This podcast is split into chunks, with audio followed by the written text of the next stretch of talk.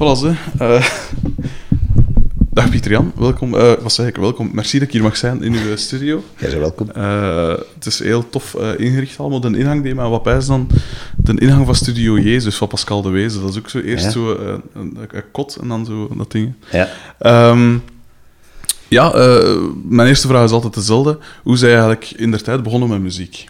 Of wat is uw eerste herinnering aan muziek? Mocht nog Ah, dat zijn twee verschillende dingen natuurlijk. Ja. Eerste herinnering aan muziek. Nou, dat, is, dat, vind ik- dat weet ik niet goed meer. Maar alle, een van de dingen, alleszins, die ik mij absoluut herinner aan, aan eh, live muziek, laten we maar in eerste instantie zeggen. Nee, wacht, kijk. Helemaal het begin. Verste herinnering, eh, Stay With Me van The Faces. Oké. Eh, mijn onkel, die maar tien jaar ouder is dan ik, die was een, was een grote rock and roll fan. En die had een singeltje van The Faces, Stay With Me. En ik als klein manneke was daar dol op. Ik vond dat geweldig. En tot op de dag van vandaag vind ik het altijd een geweldig nummer. En dan tweede is de Gentse feesten vanzelfsprekend. Als kindje daar naartoe gaan. eh, Walter de Buck. Eh, dat was voor mij, dat, dat maakte een keigrote indruk. En dat, heeft, dat is altijd een van mijn helden gebleven. Dat is, je, moet, je moet je helden trouw blijven. Zelfs al maken ze de grootste kleuterij, je moet ze trouw blijven. Mocht ze ook een goede schub geven, vind ik dat. Ja, Zo moet dat, hè. Maar wat- als ik even mag onderbreken, al direct, wat maakt, die, wat maakt Walter de Buck dan zo goed? Ah ja, het eerst en vooral het feit dat, ik hem, dat dat mijn eerste held was. Dat, ik- dat, dat was een, een grote mens met een baard die, en, en, en die speelde live muziek. En dat waren liedjes die mij aanstonden. Ik vond dat, ik vond dat boeiend. Plus, ja, dat was, dat was eigenlijk de eerste keer dat ik mij ook bewust werd van instrumenten. Eh, iemand die op een instrument speelt, wauw, wat dat is iets. En eh, niet toevallig was zijn toenmalige bassist en tuba-speler, eh Klee van Herzelen, dat was een oude maat van mijn moeder. En eh, de zoon van, van, van Klee is Jeroen van Herzelen. En dat is, wij, zijn, wij werden eigenlijk heel snel goede maatjes. En, en zo zijn we eigenlijk bij, dan uiteindelijk bij de eerste eh, mm, echte zelf muziek spelen eh, gekomen. Jeroen speelde op, op een oude Jaguar van zijn vader. En ik vond dat geweldig. Eh, elektrische gitaar, ik wou dat ook. Ik was zot ondertussen ook van, van eh, natuurlijk van de Rolling Stones en Chuck Berry, omdat dat wel thuis in de plaatcollectie zat. En, en mijn moeder had een hele goede vriendin, die heette eh, Griet de Bok, beter bekend als Kate. Die had eind van de jaren 60 bij Clay's Five, bij Clay van Herzelen Ja. Clay's Five gezongen. En had ook een band gehad, ook met Clay en met Jean Bluiten en Roland. En haar toenmalige man Dre, dat heette Kate's Kennel. En ehm, eh, Griet was een goede vriendin van mijn moeder. En die, af en toe konden wij bij haar gaan, gaan eh, logeren, mijn zuster en ik, als mijn ouders een keer naar de cinema gingen of zo. En dan eh Griet haar dat was een... Ja, dat was voor mij een, eh, een, een soort van paradijs. Die had een hele grote zolder. Haar man was helaas overleden, maar al zijn instrumenten stonden. Er stond een drumstel, kijk, wat staat er hier? Nee. Er stond een, een biljart. Ik heb hela- helaas geen plaats. Anders had er ook een biljart gestaan. Er was een grote zolder, tekentafels, gitaren. Allee, dat was, dat was iets ongelooflijks. Dus daartussen al gaan slapen was al iets. En, eh, dus dat, dat bracht allemaal mee dat Griet mij uiteindelijk zo wel leerde op, op twee, drie akkoorden spelen. En eh, de ontmoeting met, met Jeroen vanzelfsprekend. En eh, derde belangrijke, het speeltheater van Eva Bal.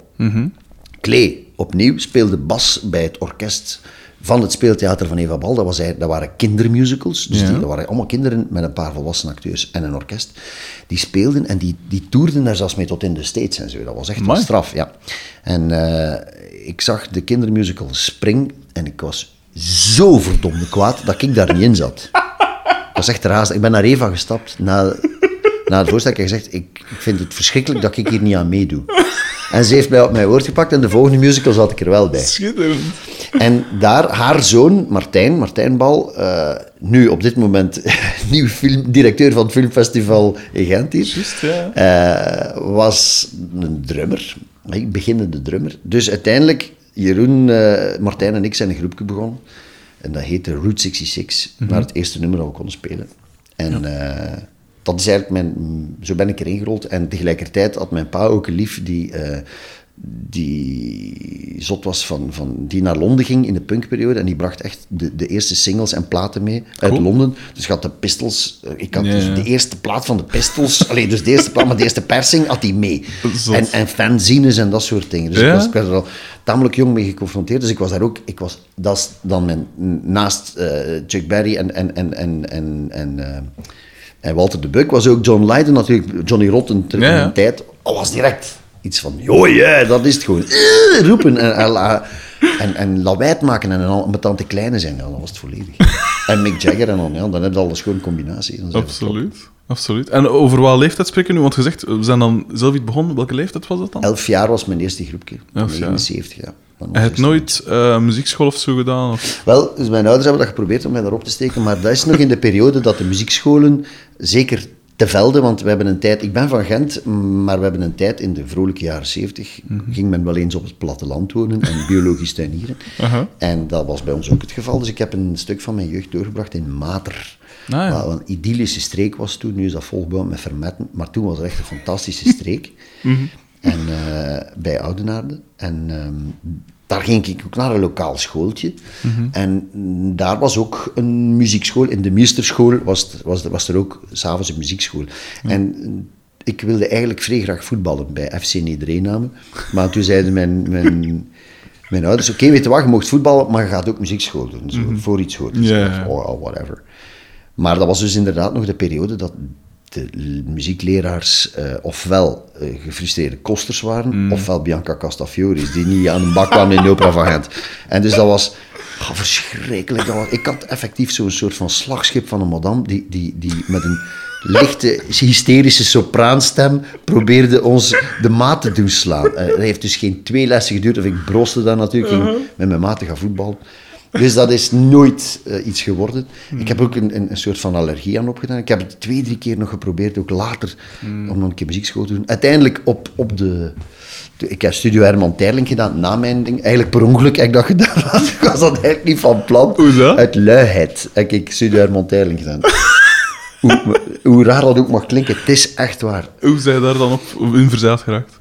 Wel, dat had te maken met het feit dat ik, dat ik ehm, eh, in die kindermusicals was, had ik nog wat meegespeeld en dat, ik vond dat wel tof. En dus dat theater had wel iets. En, en ik, had- mijn vader had een hele goede maat, eh, die helaas ook al is komen te gaan, die, die in de opera zat. En die, die heel, een heel straffe mens, heette Gerard Mortier.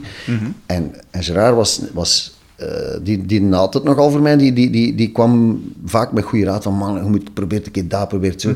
En die vond dat ik Studio Herman Tijlijk moest doen. Zei, er is maar één echte goede opleiding in België. Op, toen, toen der tijd. Zegt Dat is, dat, is, dat is heel technisch, maar dat is, dat is echt een goede opleiding. Dus ik kwam van, van, van de humaniora, waar ik mij ongelooflijk geamuseerd had. Ik, kwam, ik had kusthumaniora gedaan hier op, op de Ja, Rooilijfkenstraat. Ah, een fantastische school was maar echt een anarchistische school. Tot en met. Heerlijk, echt waar. Maar we er allemaal uitgestoken hebben. Ook muzikale avonturen over, dus daar kom ik straks misschien nog op terug. Ja. En dan ehm, ben ik dus op die studie Herman Terling gaan ingangsexamen doen en ik was er door. En dan kwam de grote vakantie. En dan dacht ik, ja, wat, theatervent, whatever. En geen haar op mijn kop die eraan dacht van ook maar naar een conservatorium of zo te trekken. Want ik dacht, als ik één ding wil intact laten en heel onschuldig laten, is het wel mijn muzikale activiteit. dat, dat, dat dacht ik, dat wil ik vooral niet aankomen. Dat moet van zijn eigen floreren. Als het niet floreert, dan is het niet goed. Moet, moet maar zelf komen. Maar dan dacht ik, wauw, tijdens de grote vakantie, ik zal nog wel iets anders verzinnen. Maar uit lichtgangerij en luiheid heb ik gewoon niets gedaan. En dan ben ik maar naar die studio ge- gegaan. Maar dan heb je ook natuurlijk het gevoel, allee, ik ben toch van dat principe, als je eraan begint, vind ik, dan moet je ook proberen dat het goed afmaken. Op een of andere manier, erdoor, ah, tenzij dat je echt voelt dat het ongelooflijk stront is. Maar dat was wel niet zo. Die school had ongelooflijk veel nadelen, maar ook een aantal vrij straffe voordelen. En daar kreeg ik dan ook weer bijvoorbeeld notenleer en instrument en zang. En... Dus bijvoorbeeld zang heb ik daar echt wel iets aan overgehouden. Dat was een eikel van een leraar, maar ik heb wel een, een ademtechniek geleerd Ja. dat soort van leren ontdekken van, ah tja, tju, ik brulde me altijd schete hees. Eh, heel mijn, puberteit zo hees als iets, want ik, ik luisterde veel naar Little Richard en dat soort dingen. Oh, dat is. En, eh oh, wat kom maar even binnen. Maar het ligt er wel, mijn dingen ligt er wel Ja, wat in de weg. Maar- nee, dat is niks, dat is niks. Gebeurt wel vaker. Ja, zeg een keer. Oké. Oké. Deze stilte, gewijde stilte was mijn vrouw. maar, Dus die ademtechniek waren we bezig. En, en wat Ah, wel, ja, dat heeft mij geholpen om dan uiteindelijk te ontdekken dat je, je kunt eigenlijk ongelooflijk brullen en roepen en tieren, zonder dat je s'avonds thuis komt met een zere keel. Dat kun, Ja. kunt dat echt wel. Kijk maar naar alle goede metalzangers. Tuurlijk, ja. Brian Johnson en. Maar Brian Johnson is nu nog een apart geval. Maar, maar die, die kunnen brullen en kelen. Maar die, komen, die, hebben meestal een, een zoetgevoelige stem. Ja, ja, tuurlijk. tuurlijk. Ehm, eh, die eerste groep dat je dan gestart zet, Ja. wat, wat, wat was dat? Wat, wat, wat genre wat, wat was dat? Wat was het doel? Rock en roll, hè. gewoon twee Ja. gitaren en een drum. Eh, eerst ja, rock en roll klassieks, Route 66, Hmm. eh, by, by Johnny, Chuck Berry, eh, iets van Little Richard. eh. Hmm. En dan zo, ja, dat was, dat was. En dan ook geweldig, een liedje, een liedje dat ik geleerd had nog in de tijd op de schoolradio. Ik vond dat meestal ongelooflijke brol, die liedjes. Er was maar één daartussen en dat had een rock and roll. Dat was eigenlijk een 1-4-5 schema. Dat wist ik toen nog niet, maar Ja. ik merkte direct van, ah, hé, maar dat is leuk. En dat was, daar kwam het woord rock and roll ook in. Dat heette Billy slaat de maat. En wij speelden dat ook. Dus na Route 66 kwam plots Billy slaat de maat, Billy. En dat was eigenlijk geschift. En we, hebben daar toch een aantal optredens mee gedaan die, die, die wel tof waren. Enfin, ja, Roland heeft dat toen gezien. En we? Ja, we zijn toen met hem meegegaan in het filmprogramma. Cool. Ja, en hij heeft hij mij ook op het podium gezet. Op een bepaald moment gezegd van, kom kleine, zingen. Micro voor de neus en zingen maar. Hoe zingen? Ja, zingen. 1, 2, 3, 4. En zo rol je daarin en leer je wel eh, je plan trekken. En eh, hoe oud waren dat toen? Op het moment dat Roland zegt van... Ja, dat was ik al iets, dat was een jaar of dertien. Dat was dan, want de, band is dan uiteindelijk, is daar, er zijn nog twee andere... eh, enfin, Jeroen is op een bepaald moment weggegaan. We zijn dan gesplit wegens muzikale meningsverschil. Nee, want die ging gewoon saxofoon gaan spelen. En dan is mijn hele goede vriend Serge Bakker in de plaats gekomen, eh, die, die bij mij op school zat en die, die plots, enfin, in het middelbaar, en die, die zei tegen mij, ik kende die toen nog niet, maar hij zei... Jij speelt gitaar, ja. En heeft uw gitaar zes knoppen van boven of twee keer drie van onder en van boven? Ik zeg zes van boven. Dan heb je geen Fender, zegt hij. Dus dat was al, dat was al cool dat wij van elkaar konden over Fender spreken of niet. En dan is Serge speelde dan gitaar in plaats van, ehm, van Jeroen. En dan is Serge uiteindelijk bas gaan spelen, want toen kwamen er twee vreemde broers uit Melle bij. En dan hebben we een bandje gehad en we hebben daar toen Joy 81 mee gewonnen. Dat was een, een, een eh, talentenjacht in Oostende door een jeugdclub. ik ben de naam vergeten. Ze. Maar, en ik weet nog dat de, de- het was zo dat je preselecties moest spelen. En als de preselecties, als je daaruit kwam, dan waren er vijf bands die door een publieksjury eruit gehaald werden. En dan, eh, die moesten dan de, eh, de, eigenlijk een soort van halve finale-achtige dingen spelen. Dat, waren, was elke keer een voorprogramma van een bekende band. En bij ons was dat toen Toy. Dat... eh, Nee? Nee, nee. ja, bel, dat is een belpop klassieker, hè? Ah, echt? Suspicion in the Dark. Zeg je iets? Suspicion Dat in the Dark, iets, ja. Suspicion in the Park. Da, da, Ja, da, ja. danger. Wel, dat was Toy. Ah, dat is... ah, Oké, ja. oké. Theo van Hemelrijk, als ik me niet vergis, Ja. die zanger. Ja, en enfin, die waren op dat moment was er zo Scooter, Toy, The Bed. Dat waren zo de bands begin jaren 80, hè. Eh, 81. En eh, ik weet nog dat we daar naartoe gegaan zijn en dan ehm, Eva, haar toenmalige man, of eigenlijk nog, nogal nog steeds, die man had, was toen eh, was een drukker, die had een drukkerij. Die had een grote camion.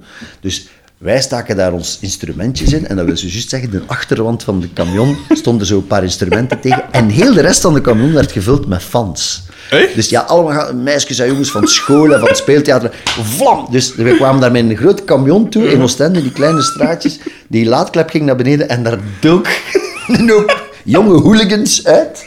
En dat was wel tof, want ze, ze hadden ons eigen publiek mee, dus dat, dat, dat gaf al direct ambiance in de keten. Maar dan hebben we het uiteindelijk toch moeten afleggen. We, zijn, we hebben verloren van een kleinkunstenaar. Karel de Klerk heette die. En die denk dat hij nog steeds van alles doet, maar ik ben er niet zeker van. En Karel, en het, het probleem was, enfin, het probleem, de prijs die je kon winnen was eh, het voorprogramma van Goldeneering in het Casino, Casino Cursaal. Oké. Dus wij dachten, dat is niet waar. en we zijn daar naartoe gaan, effectief. Karel de Klerk speelde kleinkunstliedjes. Het kleinkunst? Dat is- ja, voilà. echt zo. Tum, tum, tum, tum, Zo'n beetje met komische noot. In het voorprogramma van, van Golden Earring. Enfin. Ja. En dan, ja, dat, dat, dat bandje heeft wel even bestaan. Er was, we er een aantal echt heel toffe optredens mee gedaan. Maar dat zijn natuurlijk weer gesplit en boel gemaakt. En, en- maar de kern, Martijn, Serge en ik, we zijn wel blijven verder dobberen in allerlei andere constellaties. Oké. En wanneer zij dan voor het eerst, of allee, voor het eerst, hoe moet ik het zeggen, met een tussen aanhalingstekens echt, eh, een echte eh, groep begonnen, of allee, iets dat toch Wel, die, eh, meer... die, de tweede versie van Route 66 met de twee broers erbij, die, die mannen van Melp, daar waren al veel eigen liedjes bij, maar dat was, dat was altijd geschreven door ons, de gast die de oudste was van de band. Ehm, die was 18, wij waren allemaal maar zo 13, 14 en hij was 18 en hij schreef de liedjes. En eh, dat inspireerde wel om te, zelf iets te proberen, maar dat ging nog niet. En dan nog een beetje blijven aanmodderen met wat covers en, en, en bands met rare namen. De Del, ik weet nog, de Del Mondo's was nog een van onze or- orkesten. Ehm, en dan op een bepaald moment eh, ja, thuis beginnen eh, prutsen met een cassette-recorderke, zo in zo'n platte zo. En een- mijn eerste cassettedek die ik tweedehands gekocht had voor, ik denk, 25 frank of zo. Ja, Het was werkelijk iets Uh-huh. prul. Maar het, dan, dat is echt beginnen eh, iets opnemen op een cassettekit, door de boxen afspelen en weer meespelen en opnieuw oppakken. Ja, dus eigenlijk multitracken, de, Ja. de basisversie ervan. en al snel ontdekken van, maar ik kan hier een plaat mee maken. en dan dus uw eerste, eerste liedjes beginnen samen en eigenlijk heel... In, in, in retrospect, ik, zoek, ik wil die cassettekjes terugvinden, die liggen daar ergens. Ja, Als ik er nu aan terugdenk, dan krijg ik bijna een, een soort van schattig gevoel van man, dat, moet, dat was nog naïef en, en, en schoon. En eigenlijk, met wat ik vond, ik had er één gitaarke en dat was het. Ik had zelfs geen akoestische gitaar. Dat was, dat was een, een elektrisch gitaarke, maar zo wat pruts. Ehm, en dat, wa- dat, was eigenlijk, dat was eigenlijk tof. En kloppen op van alles en, en daarmee mee ritme maken. Dus eigenlijk krijg je een soort van heel organische eh, zoeken naar, naar wat, is, wat is een arrangement, hoe steekt je dat in elkaar. eh, en ook ontdekken van, oei, ik ben te ver gegaan. Ik heb te veel bovenop ingepakt Ja. en nu is het alleen nog modder. Ja. Dus je, je begint al, oeh, oh shit. En dan ben ik uiteindelijk, heb ik mij zo'n viertrak gekocht, ook tweedehands, via een maat. Eh, een Tascam 244, zo met cassette. Geweldig ding, ik heb al nog staan. Amasseer niet meer, maar echt super, kan dat niet wegdoen. En eh, dat, was, dat was al in één keer al heftig. Van wow, man, man, man, wat is dat hier, jong? Het was één spoor dat niet marcheerde, maar dat pingpongde dan wel en dat, dat ging dan wel. En dan eh, met die liedjes, eigenlijk terug met, nog altijd met Martijn en Serge. eh, en dan nog gasten die, die, een gast die ik leren kennen had, wat later. Thierry van Durme heette die. En een keyboardspeler, eh, Peter Pijskens.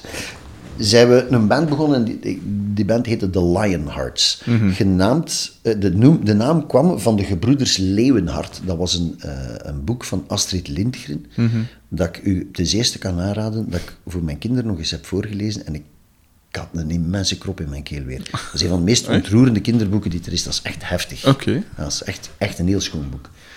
En, en Martijn had dat ook gelezen en ja, de, de naam stond vast. We gingen, ja. Ja.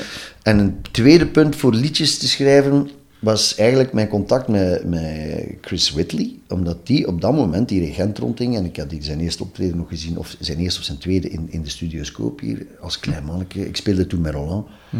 En dat was ongelooflijk. en Ik was daar vreselijk van onder de indruk. En dan, hij was DJ in de cover.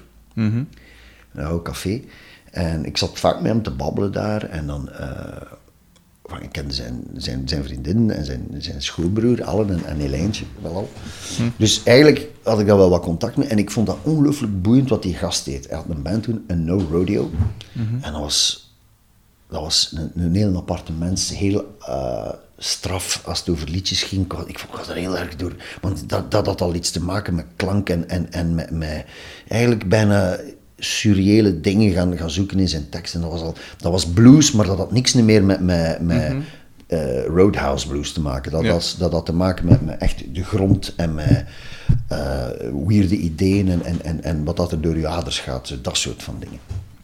En dat, dat is tot op de dag van vandaag eigenlijk mijn grote toetssteen. Als ik een nummer maak, denk ik altijd van, de ju, moest ik het nu aan Whitley laten horen, wat zou hij zeggen?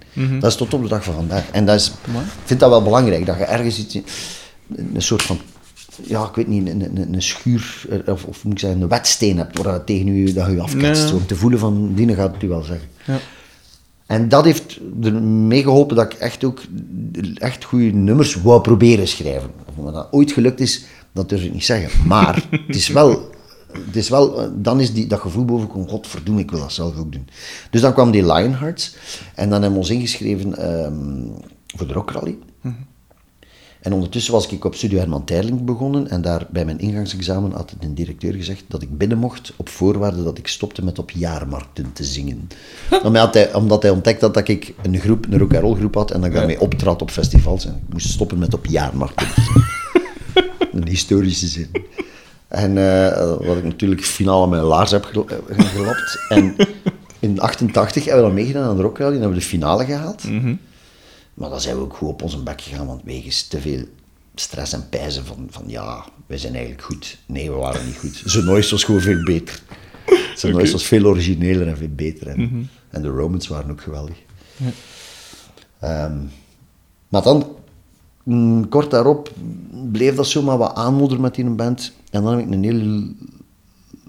Op een avond zit ik te babbelen in, in een café in Gent met Joris, gitarist van de Machines vroeger. En Joris zegt, ah, ik kan die haast...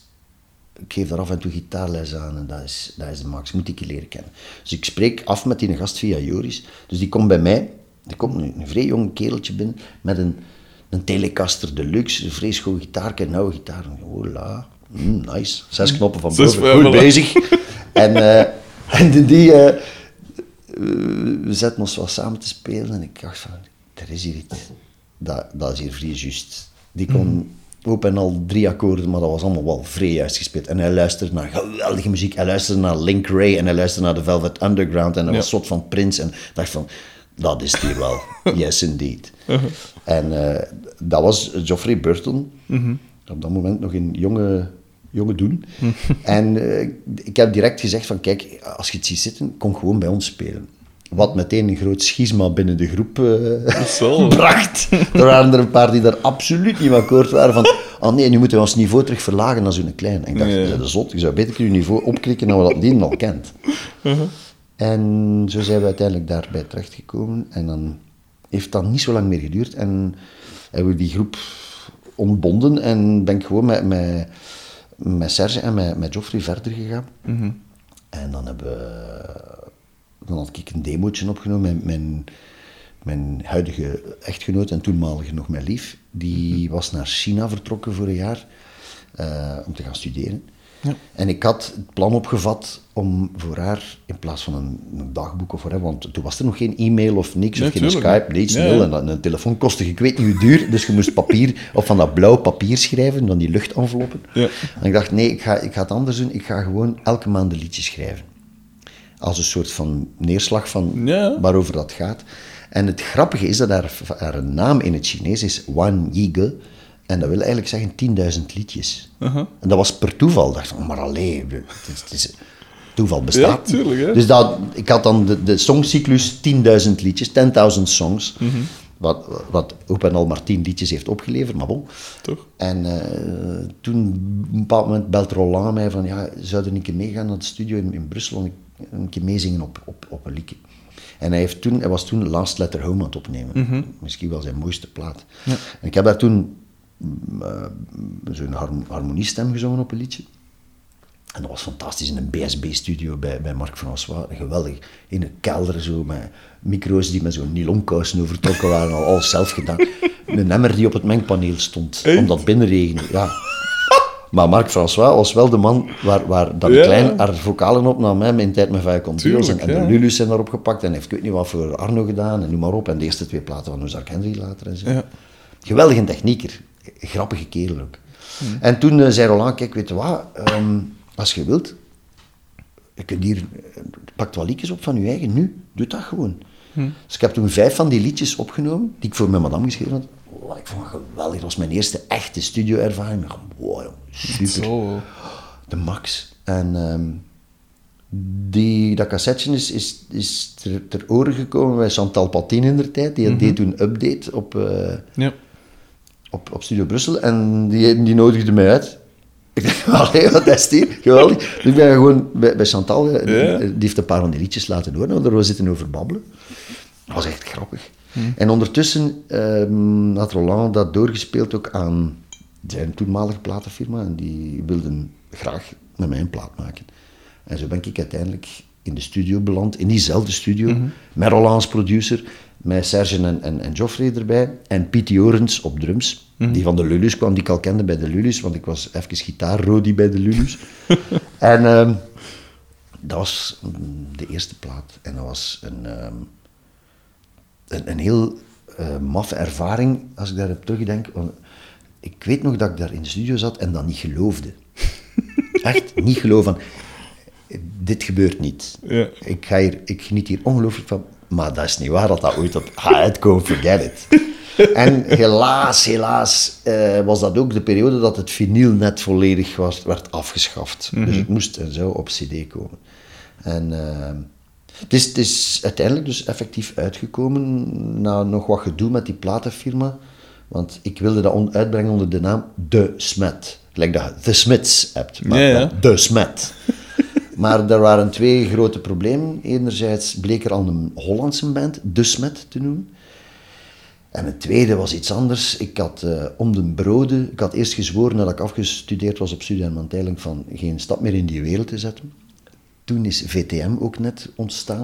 En ik had toen ook een vlammende bloedhekel daaraan. En ik zwo- gezworen op mijn blote knieën dat ik er nooit iets mee te maken wil hebben. Tot mijn madame naar China vertrekt. Ik in het leger moet. Oh ja, juist. En wij samen een huis hadden gehuurd en er waren geen inkomsten meer. En ik, ik moest dat huis, huishuur betalen of we waren het kwijt. En toen kwam de vraag via Katrien de Vos, eh heb jij goesting om in een rolletje te spelen? En dan uiteindelijk, nee, nee, nee, en nee, nee, ik zie dat niet zitten. Nee, nee, maar alleen lees nog een keer. En dan lees ik dat script en ik zie dat daar ook, want ik werd gecast voor een totaal andere rol, maar ik zie dat daar ook een immense eikel in zit. En ik dacht, oh, that's me. En eh, toen heb ik dat gedaan en moest ik drie jaar tekenen.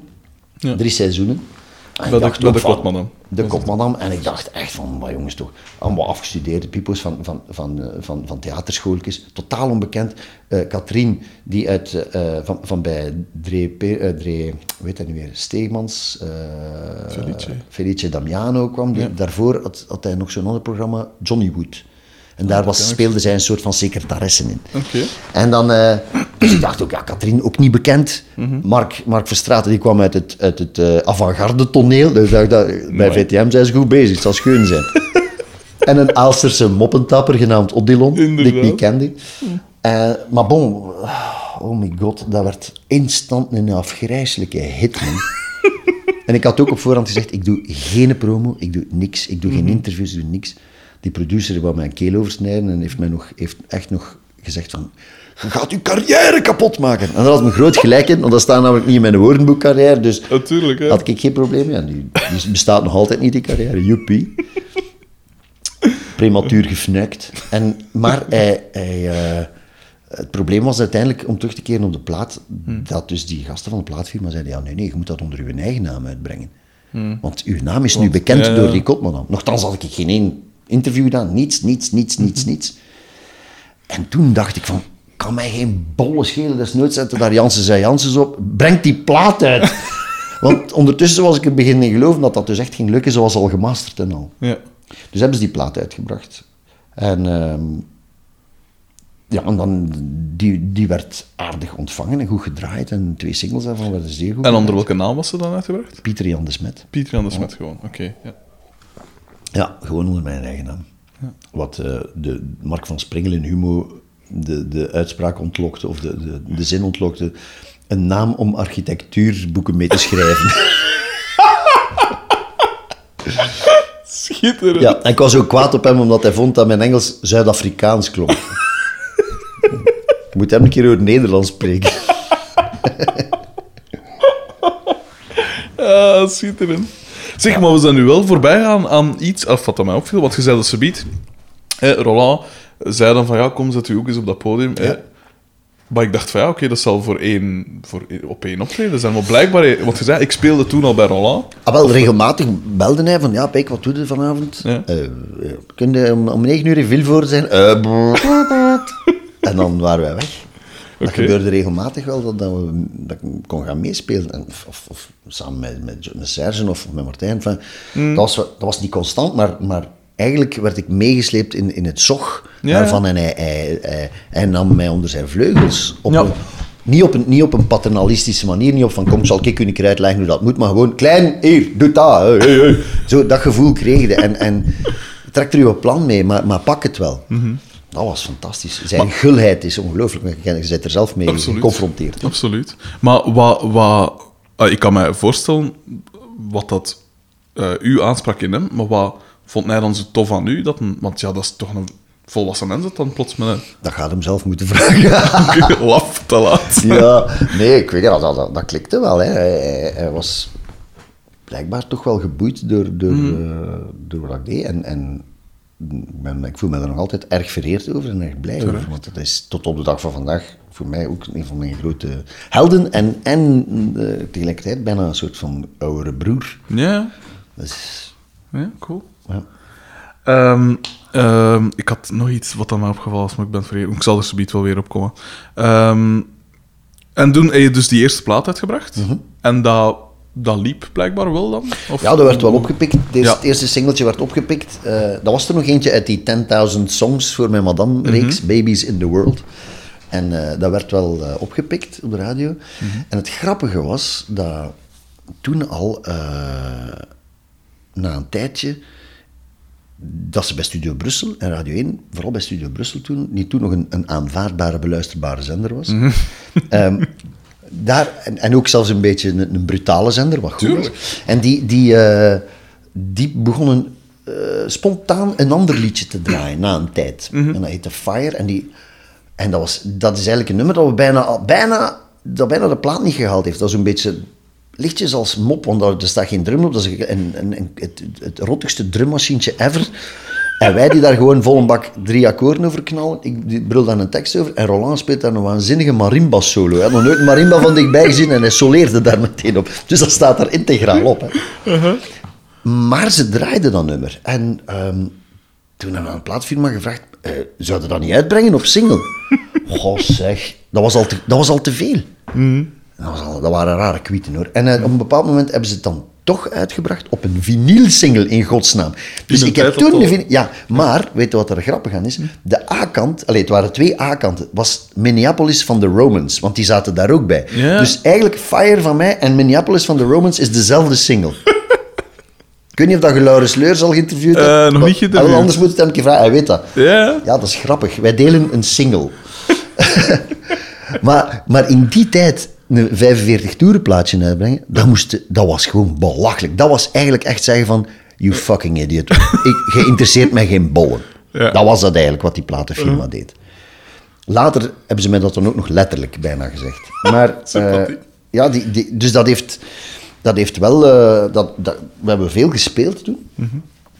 Eh, en het leuke was dat dat ook zo'n beetje begon. Ik had wel een, goed- een hele toffe boekingsagent, die een hele goede vriend geworden is. Ehm, en die begon dat ook zo'n beetje rond te delen, op, want die, die, die, die, die was ook tourneur voor Arno Ja. en de Lulus en zo. En die, die, die had veel contacten in Zwitserland, Frankrijk, eh, Canada en zo. Ja. En op een of andere manier ehm, is dat ook... ehm, de band zelf, met z'n vieren zijn we niet blijven spelen. Uiteindelijk zijn Joffrey en ik met z'n tweeën overgebleven. En ehm, die- toen heeft Ton ervoor gezorgd, die boeker heeft ervoor gezorgd dat we het Paleo Festival in Nyon gedaan hebben. Wat echt een geweldig festival was. Wij speelden gelijktijdig met Zizi Top. Op het, er waren zes podia, maar dat was niet gelijk dat je nu van die... eh, Ik vind zo de pukkelpoppen en werchters van deze, deze wereld, ik vind dat echt de Naldi van de muziek. Gewoon. Dat is, Alleen dat is zo uitverkoop. De Naldi is, het, is- het is super soldi. Zo Ja. van, een keer hier iets, iets meepikken, daar Wat voor optreden kun jij daar nog spelen als Ja. Dat is van de ons en kloten. Daar was het zo dat er per podium, denk ik, drie of vier bands speelden. Maar bijvoorbeeld ook de Carmina Burana werd uitgevoerd. In de Jura. Eh, Op een fantastische locatie. En die, die podia, die, die stoorden elkaar nauwelijks. Ja. Of niet. Waardoor dat wij dus, Geoffrey en ik, in een tent stonden om 12 uur s'nachts en Zizi Top begon op hetzelfde moment. En wij dachten, ga je geen kat zijn. Ja. Na drie nummers stond die tent bakvol. En was een groot feest. Geweldig. Ja, Allee, staat er als totaal... Huh? Wat Ja. is dat hier? Hij heeft ons, we zijn toen naar Canada gevlogen, twee jaar na elkaar. Naar een eh, naar Festival d'été de Quebec. Echt super. Hmm. Geweldig gespeeld daar. Zo'n, we hebben zo'n resident gig gedaan, een keer eh, twee weken. Nee, niet twee weken, denk acht dagen of zoiets. Aan een Ja. stuk in hetzelfde kot spelen. Cool. Vrij geestig.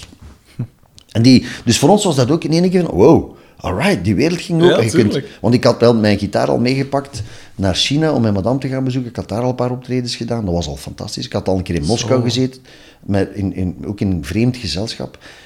Hoor, dat, is een, dat is een vrij verhaal. Zo. Op een bepaald moment belt Roland mij. Peken, eh, dat was eind 93. Peken, maart, dus maart 94 waarover we sprak. Schrijf maar in uw agenda, we gaan twee weken naar Moskou gaan spelen. Ah bon? Oké, ja, vrij orkest. Ehm, wat, wat was het al maar? Ik denk Janssens op drums, als ik me niet vergis. Nee, PDW op drums. PDW op drums. Marie-Laure Béraud, eh, Jean Bluiten, hij, eh, Mooi. ik...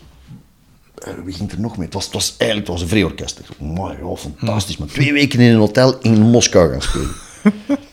Als puntje bij paaltje komt, de avond voordien komt er een fax, hè, want toen was er nog alles met fax, die hij zelf geschreven had, rolt uit mijn machine en daarop staat, ik kan morgen niet mee, als ik op die vlieger stap, gaat hij neerstuiken. Oei. En van wie? Van, van, Roland, van, van Roland. Ja. Oké. Oei. Eh, Oké, uiteindelijk sta ik in de luchthaven. Geen Blauwte, geen PDW, geen Marie-Laure Béraud. Bart de Nolf ging ook geen Bart de Nolf. Wie staat daar? Tars Lotens. de grote Tarslo. De grote Tars Lotens himself. ook inderdaad. Juist. En drie mensen die ik van haar nog pluimen kende. De Trouble Three. Uh-huh. Een, een, eh, Limburgse, eh, een, een, een, een Leuvense gitarist. Een meisje uit Diest die zingt en gitaar speelt. En een Limburgse mondharmonica-speler. Uiteindelijk, wie blijkt dat allemaal te zijn? Jaren later, Raf Timmermans. Nu, eh, Lazy Horse bij onze goede vriend Kaulier op gitaar. Kathleen van den Oud. Kathleen van den Oud, ja, toffe madame. Ze. Eh, Ja. Samen heeft, heeft, heeft eh, Billy and Bloomfish, zegt u dat iets? Nee. Wat een toffe madame, echt. En een goede zangeres ook. En Steven de Bruin. Ja. Dus dat was de Trouble Tree. Die nog van haar nog pluimen. Die waren net bezig. Zo, van- de, de Raf was wel al bezig met van allerlei andere bands en, en, en zo te spelen. Maar dat was eigenlijk grappig. Wij kenden elkaar Ja. van geen kanten. Maar hebben wij dan gewoon drie- twee weken mee in Moskou gespeeld. Dat was vrij geamuseerd. Ook met nog twee lokale muzikanten bij die ze nog bijgehuurd hadden. In allerlei waanzinnige omstandigheden. Weird, maar werkelijk met maffia. Noem maar op. Het was, het was heel geschift. Daar kan Steven nu ook nog veel over vertellen. Ik ben er al langs geweest. Ah, shit. En dan, eh, dan eh, op een ander moment heb ik een keer telefoon gehad van, van, van Roland. Van, ja, eh, zeg, gaat niet mee naar China? Ah, Ik zeg, ja, tuurlijk. Het zal wel zijn, met veel plezier.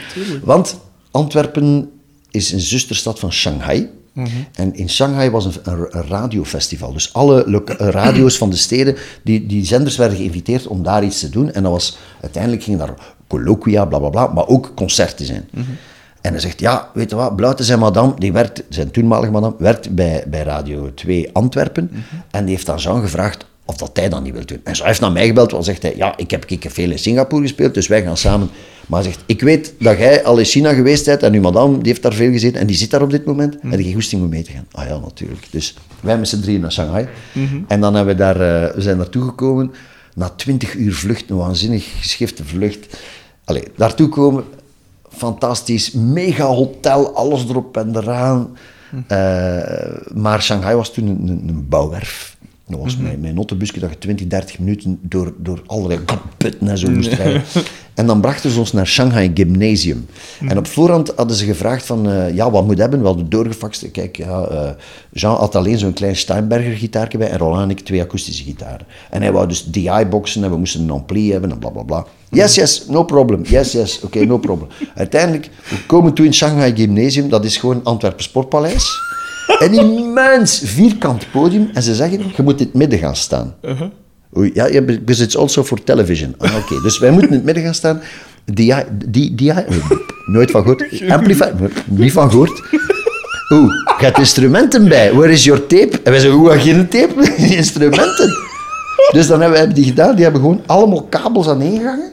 Heel over dat podium, door het publiek, helemaal naar omhoog. Maar echt kabel aan kabel aan kabel aan kabel aan kabel. En een immens chic nieuw Yamaha mengpaneel, recht daarin knal. Dus tegen dat, dat signaal daartoe kwam, bestond dat nog nauwelijks. Dat was zo, zo dun als iets. En dan kregen wij monitoring en die, die monitors moesten aan de rand van dat podium blijven staan. Dus wij stonden op een goede 10 meter van die monitors af en daar kwakten ze in, enorm veel reverb nog een keer in. Schitterend. In zo'n zaal, maar dat was, kon ons was totaal niet horen. Maar het was wel grappig. En dan hebben wij zo twee avonden aan elkaar moeten spelen. En, eh, en er was, er was eh, ook Glenn Medeiros was daar toen ook. Nothing's gonna change, my love. Ah, ja, ja, ja, tuurlijk. Ook een fan.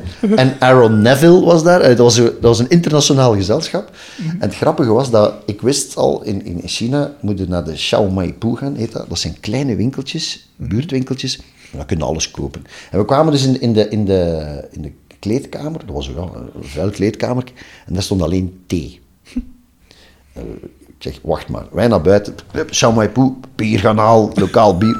Eh, in onze kleedkamer. En binnen vijf seconden stond heel dat spel daar. Also, de Glenn en al die kwamen al hey, you guys got alcohol. Yeah. Dus ons, bij ons was dat al direct party hole.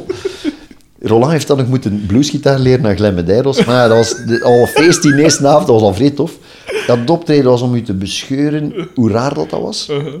Blauwte uitzinnig, die brulde... Do you like rock and roll? Zo, oh, die Chinezen die allemaal wild werden. En hij, hij zei achteraf, ja, ik, ik haat mensen die dat roepen. Maar daar kon ik mij niet houden. Daar moest ik het roepen. Enfin, die dezelfde avond gaan we, eh, gaan we gaan eten. In het hotel krijgen we een heel chic diner aangeboden. Jean had de vorige avond met Roland en mij niet mee ge- gegeten in de kleine volksrestaurantjes, want hij, het is gek voor zijn maag en zijn darmen. Eh, eh, maar wij hebben daar tot morgens vroeg zitten hijsen en vreten. En Roland was bijna getrouwd met de dochter van het spel. En al. dat was vrij goed.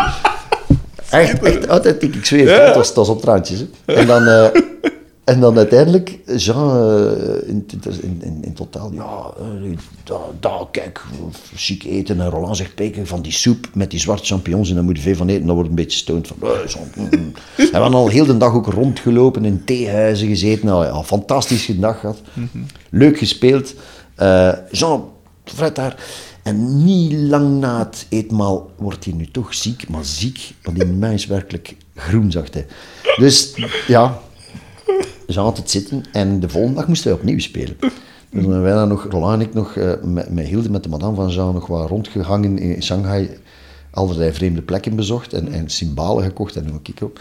Dan, eh, en, en op een bepaald moment eh, moeten we terug naar, naar, ja, moeten we terug naar, naar het gymnasium, terug met die bus, waar dat hij helemaal groen, Jean helemaal groen doorzichtig, het, zich inhoudend om alle gaten van zijn lijf dicht te krijgen komen toe daar en eh, vlak voor het optreden begint, er is nog een heel klein verhaaltje dat eraan vooraf gaat. Ooit heeft Blauwte tegen Roland gezegd, ik weet een fantastische Ibanez eh, George Benson gitaar, tweedehands, van een oude balgitarist. En hij doet die weg. Voor geen geld, want ze blinkt niet genoeg niet meer. En Roland heeft die achter de rug van Bluit is hij die gitaar gaan kopen. En Bluit is daar altijd kwaad voor geweest. Godverdomme, die gitaar! En wij staan dus nu terug, vlak voordat we op moeten. Jean met vrij buikpijn, groen. En Roland zegt plots, echt, ik zweer het, we moeten op. Zo zegt Roland, Bloute, als jij voor die 20 dus Chinezen in je broek durft te schijten, krijg je die gitaar terug. Ah, en dus, zo wij dat podium op. We zijn aan het spelen. En echt, Roland is, op een as the crow flies. Ik weet nog, hij zegt, as the crow flies, baby, baby, baby, baby, baby, door heel dat ding. En hij roept ze plots, Bloute, Bloute, heb je al gescheten? En dan, ik ben gewoon omvergevallen. Ik, ik kon niet meer. Al mijn spieren begaven het van het lachen. Ik ben gewoon op de grond gevallen. Man, dat was grappig. En heeft hem dan uiteindelijk... eh, Nee, maar ze hebben hem wel gerepatrieerd. Die is die twee of drie weken in de kliniek gelegen met een zware virale infectie. Ja, ja, ja, ja. Och. Kon die mens niet aan doen. Maar die gitaar heeft hij niet teruggekregen. Kijken. Ah, schitterend. Ja, wat hè. Ehm, ja, nu moet ik terug eh, naar de, de, de, de, de, muziek zelf halen, natuurlijk.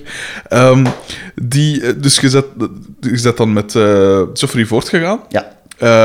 En dan zei je naam veranderd in... Of de, groep Nee, we hebben nog een tweede plaat gemaakt. Ah, ja. En die plaat heette August. En dat was heel tof. Die hebben op... Trouwens, Ja? over August. Ik sprak gisteravond nog, of vannacht nog, met Floris de Dekker van Team William. En hij zei... ehm Pieter Jan de Smet heeft minstens één geniaal nummer gemaakt en het heet August. ja, Dus, voilà, merci. Voilà, bij Tof. deze. Ja, dat is, eh, ja, dat is het titelnummer geworden van, van, van de plaat. Eh, de tweede plaat die ik gemaakt heb. Ehm, en dat is echt Geoffrey en ik met z'n tweeën die dat gemaakt hebben. Piet heeft daar wel een paar dingen op gedrumd. En toen woonde ik met mijn madame... Nog niet, nee. Toen woonden mijn, mijn schoonouders hier wat verder. Op, op, hier aan- in een oude schippers... Schippershuis en Schipperskapel. Dat was, ze hadden dat gekocht als ruïne. En wij hebben de, de, de, in de kapel zelf, dat was op de eerste verdieping, een hele grote houten kapel. Daar hebben we die plaat op gepakt. Dat was fantastisch, die was bouwvallig. Maar we hebben Mike Butcher toen gevraagd, want Mike, die had met, met, Geoffrey had met Mike gewerkt met Arno voor eh à la Française en Subrovniks. En Mike zag dat zitten, dus wij hebben gewoon met z'n drieën eigenlijk die plaat zitten maken, een maand aan een stuk, gelogeerd daar. Cool. Dat was feest, dat was geweldig. En echt, eh, dat waren al nummers die, ik- die, die ik toen al met, met, met, met een acht-track reel-to-reel in elkaar, zo met Joffrey in elkaar aan het steken was. Toen waren we ook bezig met, met, met een van de eerste samplertjes nog, zo van die, zo'n Akai 700, zo'n 8-bit sample die zo welgeteld drie seconden kon... En dan met een gekrakte Atari, allee, whatever. En, dat was, en dan, we hebben dat opgepakt op, op allemaal ADATs. Vier of vijf ADATs aan elkaar gekoppeld met Mike. Lachen, vrij geamuseerd, toffe plaat. Allee, toffe moment om dat te maken. En ook achteraf bekeken ben ik heel trots op die plaat. Omdat dat, die klinkt heel maf, die klinkt heel... eh, die periode. Dat is gemaakt in augustus eh 96 en dat is de Dutroux maand. Toen is heel ja. spel ontploft. En dat is, dat is heel maf. Dat, dat, dat heeft niet noodzakelijk invloed gehad op die plaat, maar ik ga dat nooit meer vergeten. Dat, dat zit daarin zo. Ja, ja. En ehm, ja, die plaat heeft wel, die, die single heeft, eh, die heeft heel veel gedaan. En dat, eh, dat was weer hetzelfde dat de platenfirma pff, daar geen bollen van. Ik zeg maar, mannen, allee, dit- ik heb hier ongelooflijke airplay. Dit nummer wordt zo vaak gedraaid. We moeten zorgen dat de volgende single uitkomt. Maar jij moet jij geen singles uitbrengen. Oeh, jawel. Maar uw plaat, whatever man, weet je, wat dat jij ook doet, we don't care. Jij bent een tax write-off. Ik zeg, pardon? Ah ja, zegt hij, die man, wij hebben Get Ready. Dat kost ons niks om dat te maken. Wij verdienen daar miljoenen mee, of, of honderdduizenden mee. En jij, eh, uw plaat, wij, maken, wij hebben facturen nodig gewoon. Daarom moet jij uw plaat maken. Die zeggen dat gewoon in mijn gezicht. Hè? Echt, ik zweer het u.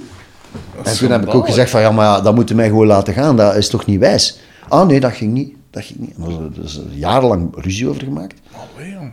Tot het uiteindelijk, eh dat ze mij laten gaan hebben. We zaten ondertussen al bij Virgin en zo. En dan, eh, dan heb ik mijn, mijn naam veranderd. Gewoon in, in, ik heb mijn naam gewoon afgekort. Maar ik Ja. dacht, ja, ik moet nog ergens een beetje een, een ding houden. Met, dat was ook een, eigenlijk volledig furte naam. Maar toen heb ik al mijn eigen eh, label opgericht. Dat was Beuzak Records. En dat had echt te maken met kustkerel om mijn klote verdomme. Terecht. Ja. Terecht, amai. En, en daar heb ik dan een paar platen zelf gewoon opgepakt thuis. En eh, het grootste deel thuis opgepakt met een oude pc, met, met, met één fort geluidskaartje. Maar dat, dat we de, Joffrey en ik daar allemaal uitgekregen hebben, dat was fantastisch. En ik weet nog dat ik toen zei van, ja, ik ben nu mijn eigen directeur. Ik ben nu en artiest en platenbaas. Dus ik ga nu met mezelf vergaderen. Wat zou ik als artiest vragen aan mijn platenbaas? Ik wil in de ICP gaan oppakken. En elke platenbaas zou zeggen, nee, maar aangezien ik mijn eigen platenbaas ben, zeg ik, oké, dat gaan we doen. Dus ik heb daar ongelooflijk, met die opnames die we gedaan hebben, met die verte geluidskaart op een pc'tje, zijn we naar de ICP gegaan en hebben we daar bovenop nog allerlei, met chique micro's, van alles nog bovenop gepakt en dat daar gemixt. Dat heeft mij een bom duiten gekost, maar dat kost mij geen zak schelen, want dat was een geweldige ervaring om dat te doen. Ja, tuurlijk. Ja, en dat is Light Sleeper geworden. Dat is eigenlijk ook een plaat waar ik zot van mezelf, in retrospect. Allee, Ik ben- vind ze allemaal wel tof, maar die, dat was ook een heel speciaal iets. En dan is, eh, in die periode ben ik met Mirko en Frederik beginnen spelen ook. Hè. En dat was ja, echt een fantastische band, vond ik. Ja. Ik heb Mirko gisteren nog gesproken aan de telefoon. Schitterende P.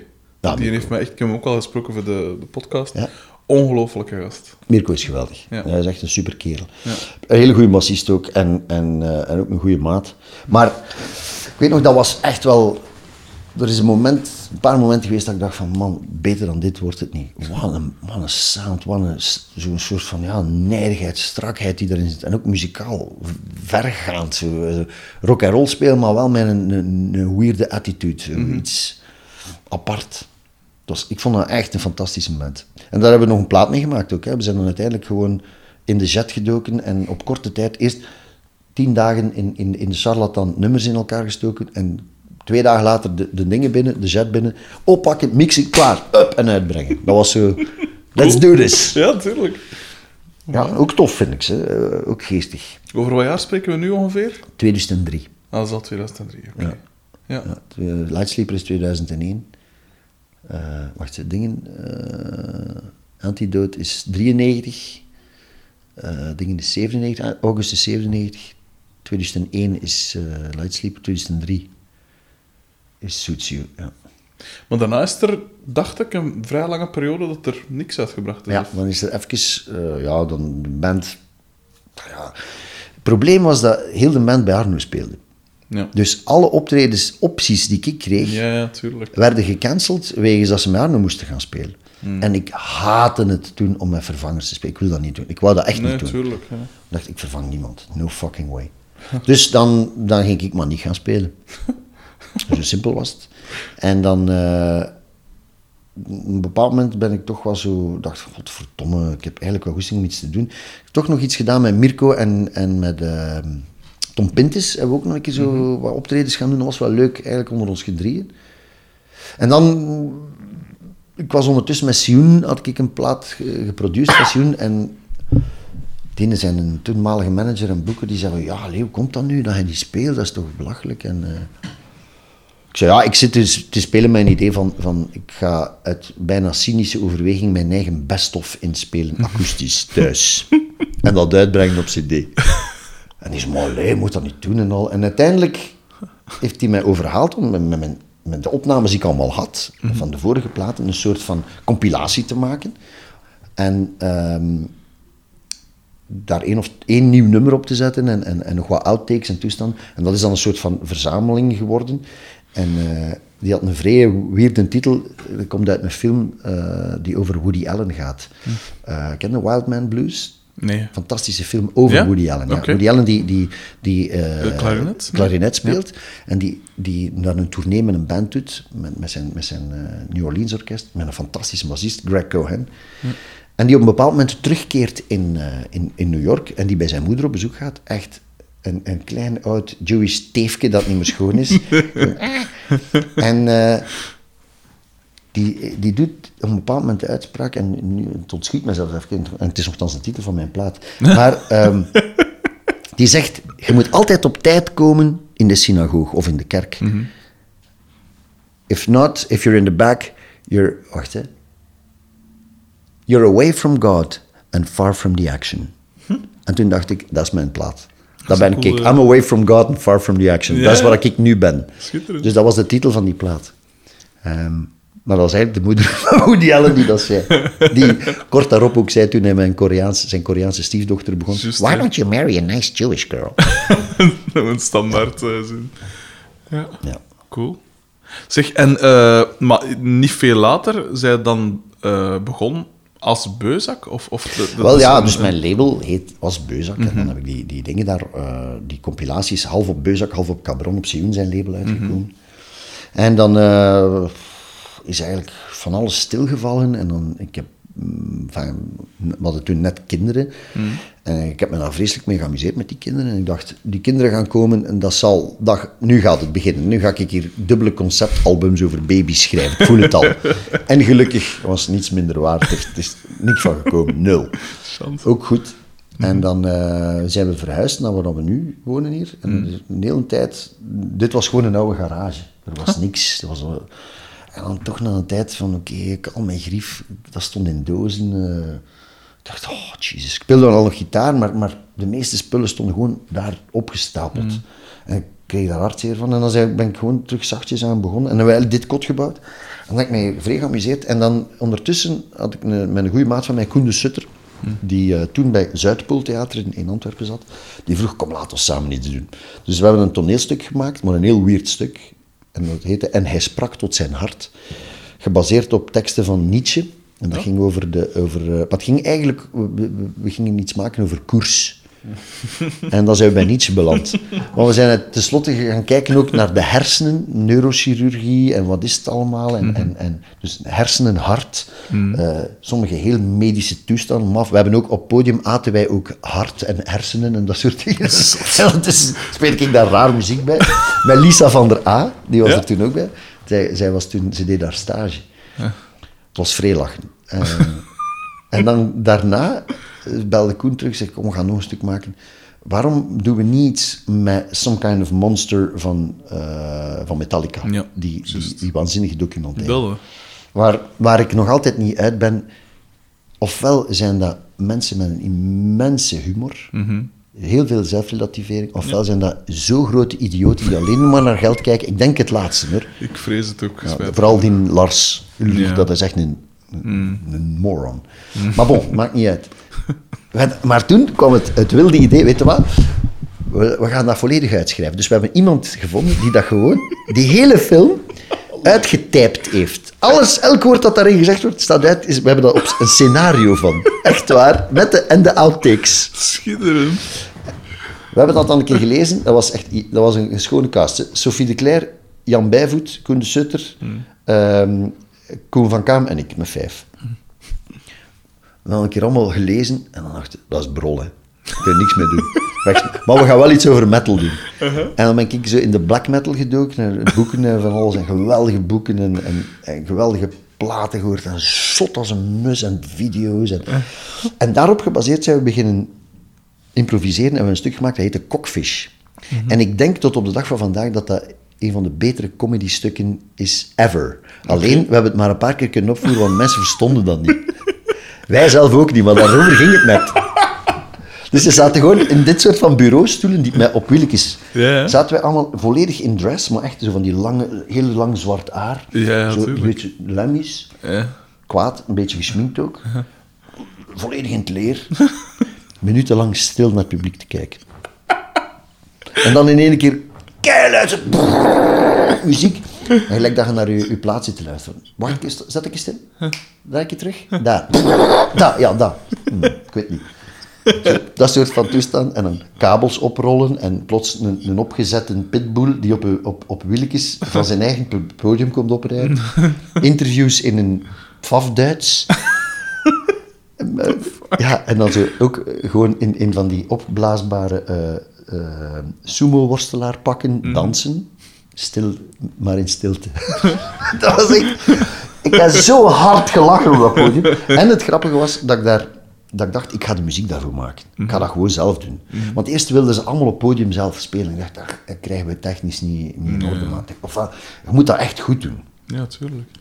En toen dacht ik, weet wat ik ga doen? Ik ga gewoon een testje proberen. De meest geschifte metal tracks maken. Onder de naam Cockfish. Dat was onze band. Ja. Cockfish.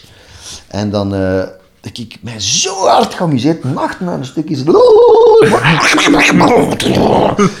en zitten grunten dat het niet meer schoon was. En dan, eh, dat heeft zoveel plezier terug in, in dat maken, dat ik dacht van, kom jongen, we gaan... En ik ben gewoon weer zelf nummers beginnen maken en op, zomaar demo's, bla bla bla bla. Tot ik op een dag, lang na Cockfish, in één keer een nummer maak. Op een nacht zo, ben aan het maken en, en dat was ook van de eerste keer hier zo, ja, het nummer, eh, gitaar, een idee, oké, op, oppakken. Ehm, shit, ja, misschien is van drum erop. Maar ja, dan belde hij naar Frederik s'nachts om te komen drummen of zo. Ik zal dat zelf doen op die kit daar. Geen micro, boem, klank, boem, klank. Oké, een beetje scheef, maar maakt niet uit. Ah ja, wacht, en dan een bas daarop en dan een keyboardje. En op den duur heb je een heel arrangement gemaakt, maar alles is gebaseerd op zo'n vrij wankele drums en een bas die erneven zit en al. Dan denk je, oh, oh, whatever. Oké. En ik maak dan dat laatste nummer en in één keer denk ik, godverdomme, dat is echt precies het eindnummer van een plaat. Dat is echt zo'n typisch een nummer om een plaat mee af te sluiten. En die dezelfde nacht heb ik gewoon veel van die dingen terug opgezocht die ik gebounced had, achter elkaar gezet. En ik dacht, merde, ju, ik heb een plaat. Alleen, ze is vrij veurt ingespeeld. Alleen, is, ze, ze rammelt werkelijk aan alle kanten. Dus ik heb dat aan Joffrey laten horen. En die zegt, maar je moet dat gewoon uitbrengen. Ik zeg, maar, Zo, nee, die opname zeg. ja? En ik zei, maar allee, nee, serieus, maar dat, dat heeft zoveel soul, dat is wijs. En uiteindelijk gezegd, oké, ik ben toch mijn eigen platenbaas. Ik ga nu, ook zelfs het naam van mijn label ga ik mezelf ook aan. Ik ben nu zelf vanaf nu Beuzak.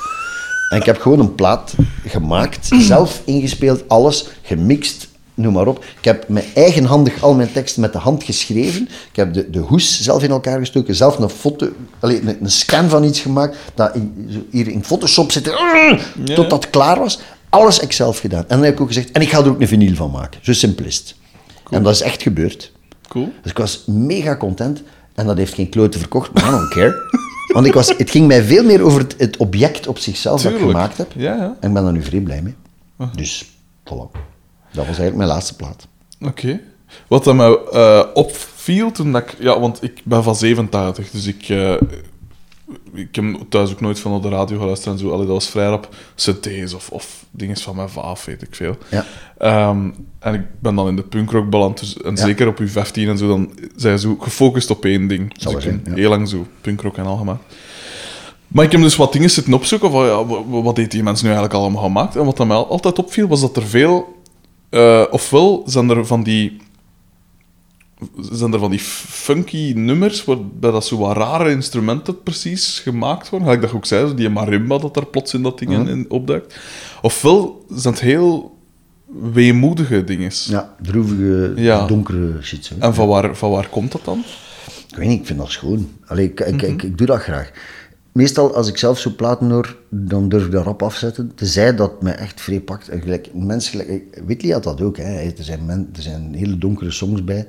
Mhm. Eh, maar dingen, eh Towns van Zand bijvoorbeeld. Echt, Mhm. wow, man, heftig, geweldig. Eh, ik kan daar vrij in komen. Nu, nu onze, onze Sheffield-gitarist daar, eh, ik vind hem geweldig. Ehm, allee, hij croont erop los. Allee, weet hij niet, Richard Hawley. Dat, is, dat is bijna kitsch, maar hij is vreesgoed. Scott Walker, mijn grote held. Ja. Dat is eh, deep dark shit. Hè. Tilt, ik weet niet of je Tilt kent van Scott Walker. Nee. Ah, dan is een groot... Dat moet je nu dringend Ja? aanschaffen. Ah ja, man, dat is echt... Ik ken een beetje Scott Walker. Dat was, eh, dat is echt ook een van mijn absolute helden. Hm. Walker heeft in de jaren 60... eh, was hij de, de leadzanger van de Walker Brothers. Die hebben grote hits gehad. The Sun Ain't Gonna Shine Anymore.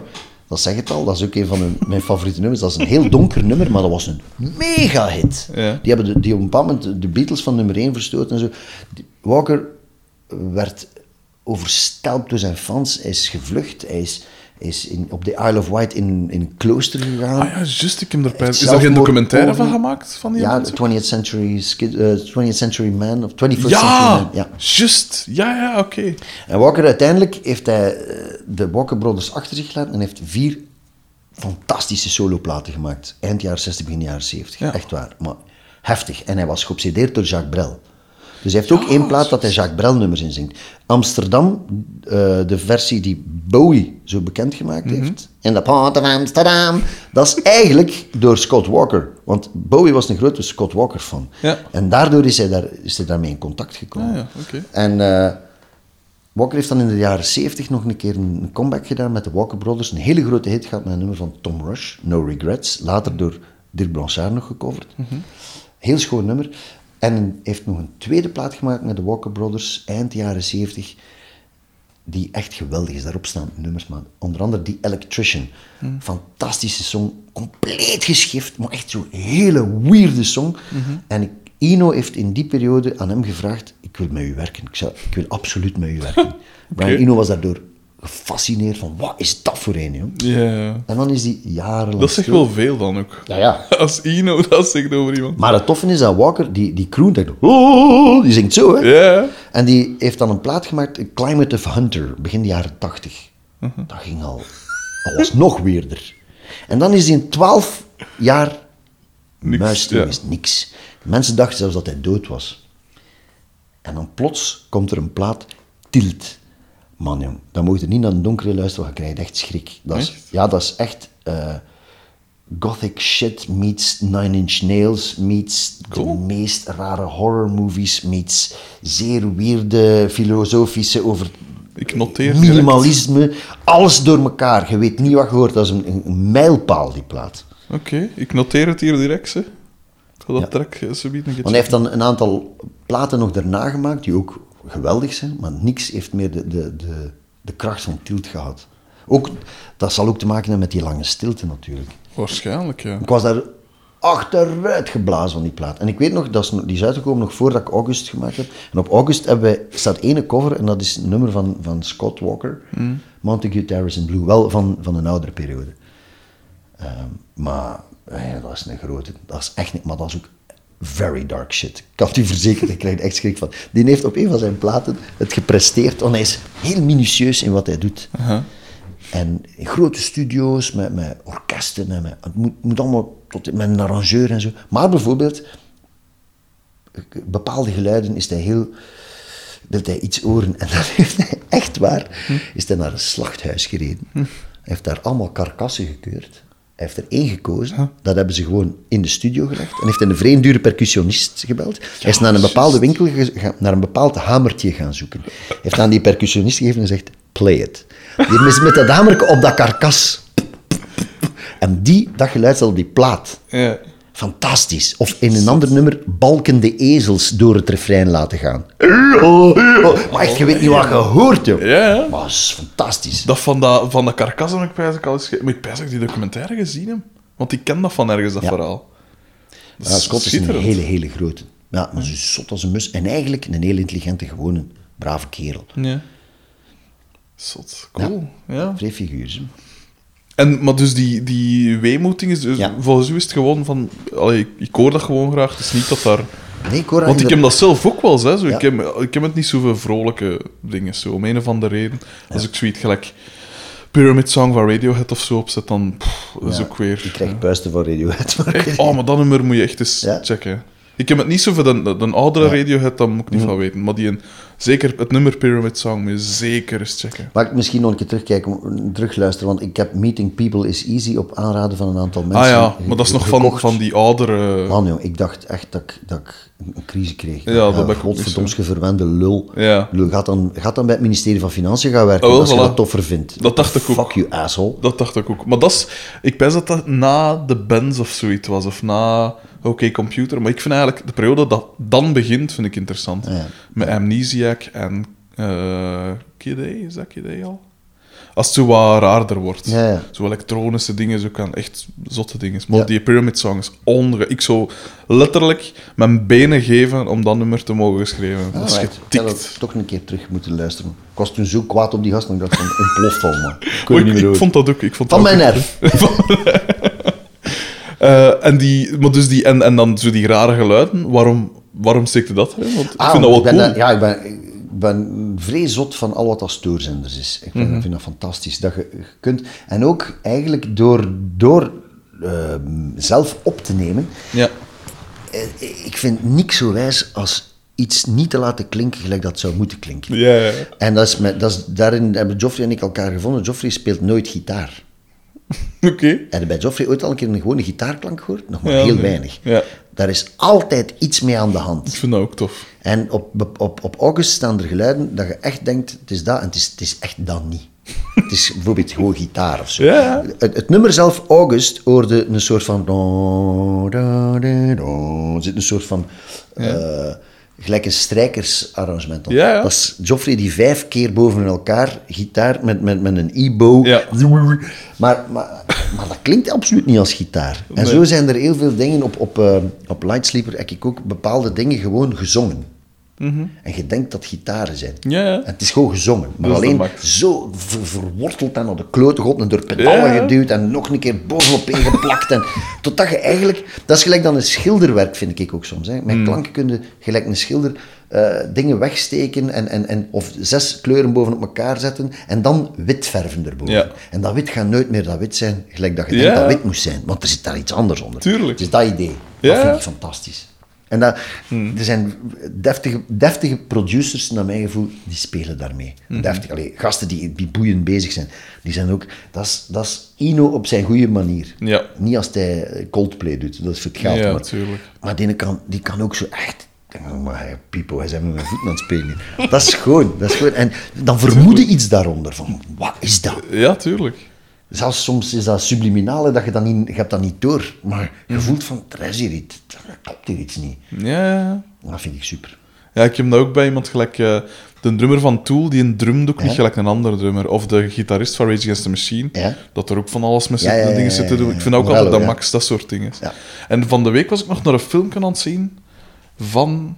eh, ik dacht van Bink Beats.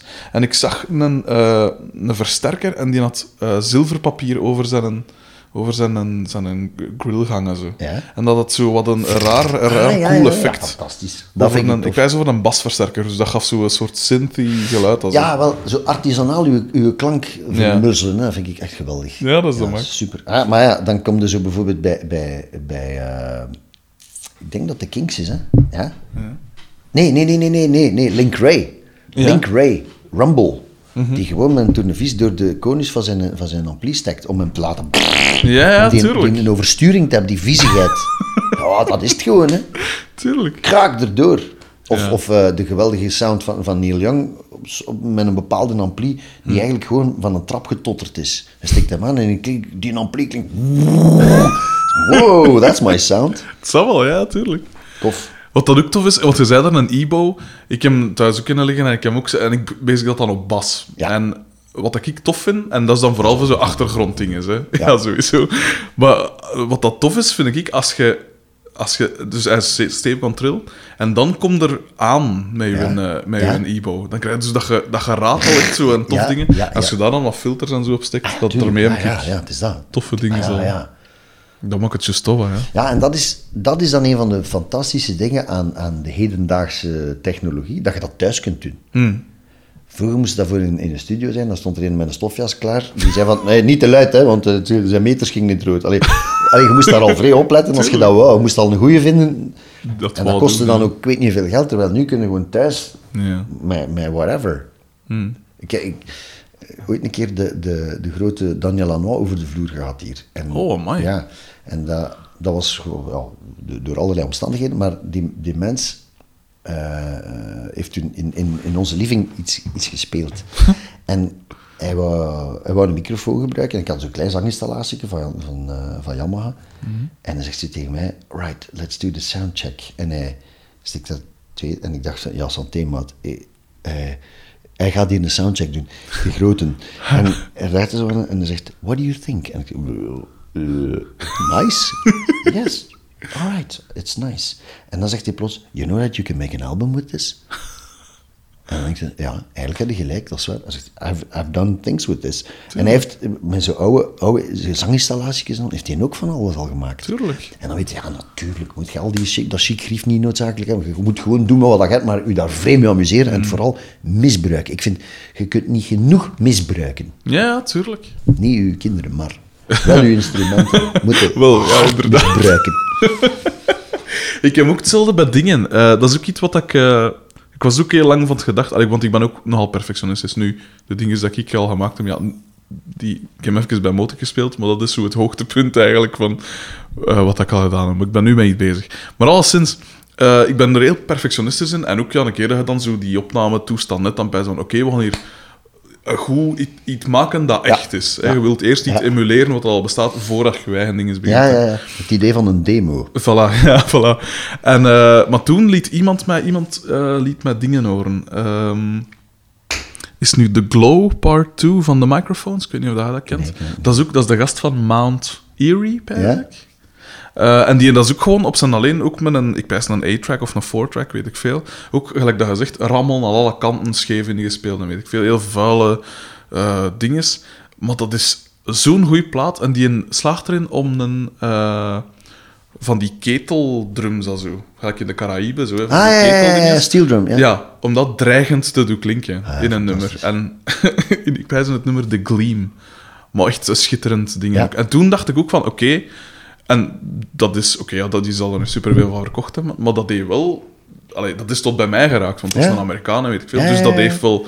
Dat Ja, heeft ja, wel volgers weg, en. Ja. Toen dacht ik, oké, ja, het moet niet allemaal afgewerkt klinken. Als, als, het, als het nummer goed is, Ja. dan maakt het eigenlijk niet uit hoe dat je het... eh, tenzij ja, dat je het op de radio wilt. Maar ja, Ja, maar ja, dat is, Dat is. Ja, tegenwoordig tegenwoordig. Wie wil er nu nog op de radio? voilà. Zot. Die, die, ja. alsof dat die computer u gaat kiezen. Ah ja, voilà. Wat ik me ook afvroeg, hè, want je, zet, je hebt tal van platen gemaakt. Eh, als je nummers schrijft, begin je dan eerst met de muziek of eerst met een tekst? Ja, dat is een klassieke vraag. hè. Dat, ik weet het zelf niet. ik weet het zelf niet. Het een kan het ander in, in, gang steken. En het is nooit, bijna nooit eh, een geut. Heel af en toe, maar dat een keer echt dat je zegt van, oh, wat komt niet uit? Ah, shit, dat is het nummer. Dat is ook al gebeurd. En dan weet je ook niet, wat heeft nu wat getriggerd? Dat weet ik niet meer. Ja, ja. Maar vaak is het eh, ofwel een, een, een, een klank of een heel klein zinnetje die, het- die, die het spel in gang steekt. Maar heel vaak is het, is het een, is het een, een eh, collage van ideeën. Daar, eh, op, op de harddisk staat er, ik weet niet, oh, ideeën, allemaal zever die kop. pff, Ideeën, Ja, waf, waf, ideetjes, waf, ja. waf, dag hup, hup, op cassettes, op whatever. Uh, Notaboeken in mijn iPhone, overal staan er wel wat woorden, dingen, eh, in boeken iets aangeduid, op platen, noezen, noem maar op. Of, of ik loop op straat, ik zie een, een, een slechte reclameaffiche, maar dan is er zo iets in dat beeld dat ik denk van, ha, ha, ha, ha, hm, dat is precies een song. Hm, dat kan ook. Ja, tuurlijk. Maar het is niet dat, dat mij dat zo vaak overvalt dat ik daar direct een song zou gaan mee maken. Eh, Ik schrijf eigenlijk bijna nooit songs. Veel te weinig. Maar allee, niet veel. het is niet dat er een, een, een regel is dat ik zoveel songs zou moeten schrijven. Nee. Alleen, nu met de piepjes is dat eruit gevloeid, gelijk niks. En dat is ook, heeft ook te maken met, met, met, met het feit dat Sioen een, een hele goeie is om, om er een deadline op te plakken. Daardoor wordt ook wel, want ik ben ook in C echt een ongelooflijke luiaard. En ik- vind dat je dat ook moet zijn. Eh, Je moet, moet kunnen genieten van het niets, van zo weinig mogelijk te doen en dan in één keer veel te doen. Dat moet ook kunnen. Maar eh, ja, bij de piepjes ging dat dan makkelijker, bij wijze van spreken, omdat er eigenlijk een aanleiding is. Als er geen aanleiding is, dan vandaar die luiheid ook, dan blijft er zo wat hangen. Hè. Herkenbaar, ja. Sommige mensen zeggen van ja, je moet een, je moet een ongelukkige jeugd gehad hebben, dan heb je 36 goede platen in je lijf. Denk dat dat totaal een bullshit is, maar dat dat, of dat, dat geen conditio sine qua non is om, om een goede plaat te maken. Maar, Nee, tuurlijk. eh, maar het is wel zo dat... Ik vind, er wordt al zo waanzinnig veel gemaakt, dat ik mijn, eh, mijn half voldragen brol niet per se wil uitbrengen. Ik laat dat over aan de, aan de, de bevoegde instanties om dat te doen. hè. Het zijn er genoeg die dat doen, een rommel uitbrengen. Dat is zo vervuiling, man. Ja, dat is juist. Ehm, hoe zei je eigenlijk... Allee, het staat in mijn, in mijn aflevering met eh Sioen en waarschijnlijk die met Rolla ook, maar voor de mensen dat die nog niet beluisterd hebben, hoe zij begonnen? Hoe, hoe, is de, hoe is de piepjes tot stand gekomen? Want ik vind dat wel een cool idee. Ja, dat is eigenlijk door het feit dat mijn kinderen eh, hier in de buurt naar school gaan, op een heel toffe school. En daar hebben ze ehm, geen schoolbel meer. Daar hebben ze een, eh, een liedje. En dus elke week mag een leeftijdsgroep een liedje kiezen dat door de speakers komt. En als dat liedje gedraaid wordt, dan gaan ze in de ja. rij gaan staan of dan gaan ze naar de klas. En eh, t- toen ze in de kleuterklas zaten, viel mij dat vaak op dat de, de, ja, daar kiezen de juffen dan nog, hè, want die kleine, kleine, kleine Ja, patatjes weten van niks, bij wijze van spreken. En die juffen kozen bijna stevast voor de Studio 100. Ja, natuurlijk. Niet omdat ze dat zelf zo goed vonden, denk ik, maar omdat ze misschien ook niks anders hadden. Ja. Omdat er eigenlijk heel weinig voorhanden was. Maar ik zat er een keer over van mijn voeten te maken hier aan de, aan de keukentafel met Sioen en met, Roland. Waarop dat zeg maar, eh, laat ons dat dan doen, we gaan dat zelf doen. Kom, allee, weet je wat? Ja, dus dat was de aanleiding om eens te zeggen van, allee, we zullen wij eens zelf doen. en dan zijn we hier beginnen gewoon, we zijn naar beneden gekomen, gierend van de lach, op alles beginnen kloppen. Ik heb hier wat micro's aangezet. En dan daaruit hebben we een, een, een loopje ge- ge- gedistilleerd. En dan binnen de vijf seconden ontstond Tante Celle. Ik had Ja. ook direct het idee, ik hoorde de, de, de Sion kwam met, dan, dan, dan, met zo'n melodieken af. En ik ben me neergezet en ik ben beginnen schrijven over Tante Celle. Echt, alles wat dat er in dat nummer staat is echt. Tante Celle heeft echt bestaan. Ik heb die, zelfs mijn madame heeft die nog gekend. Dat was de groottante van mijn vader.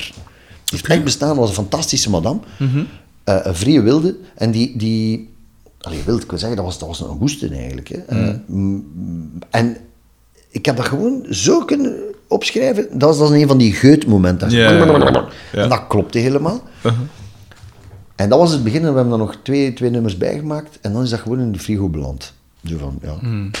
Het is- ja, dat is leuk. Oh, we gaan er wel nog een keer ooit iets mee doen. een paar jaar later zegt ze, ja, maar nu is het genoeg geweest. Kom, nu gaan we er iets mee doen. en dan de kosten keren waren we vertrokken. Dat is wel cool. Ja. Eh, wat dan mij trouwens dat ze opviel, en dat is nu volledig naast de kwestie, maar dat ze biedt waren iets aan het zeggen en waar ik iets van zo eh, raar geluid aan het... aan het- Allee, van toen aan bezig waren. iets. En je trok even zo je, je ogen en was scheel. En toen dacht ik...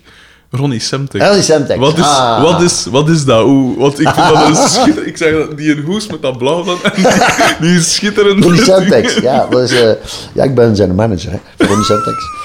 Eh, dat is een, eh, een ding, een, eh, Jan de Smet van Nieuwsnaar en Wouter Berlaan, die waren bezig, ze wilden iets, iets goesting om iets te doen, een project te doen, rond eh, slagers, rond eh, het levenslied. Ik had dat ooit ook een, keer een, project gedaan na het Nieuw Wereldorkest, daar heb ik ook een tijd voor gewerkt, hè, voor, de, voor de VRT, voor de Radio 1.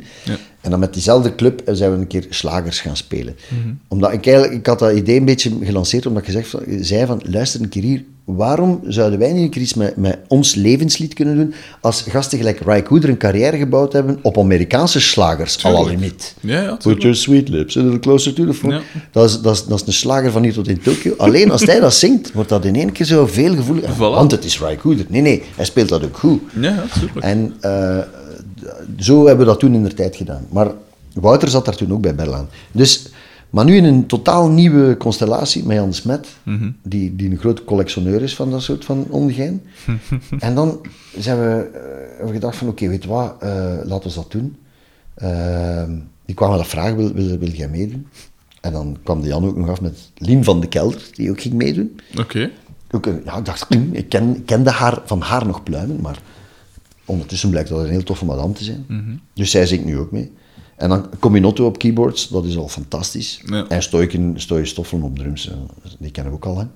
Dus dat is eigenlijk een leuke combinatie. Maar toen eh, moest er een foto getrokken worden.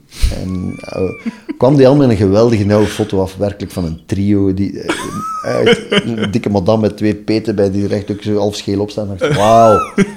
En laat ons daar, eh, ons een beetje daarop inspireren.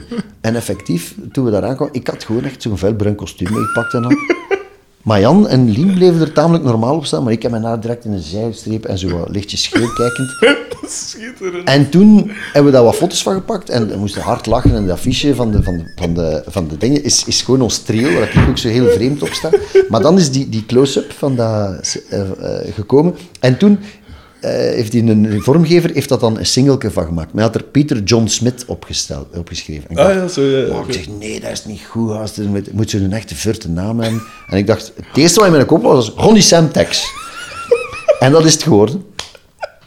Die foto is geniaal. Ja.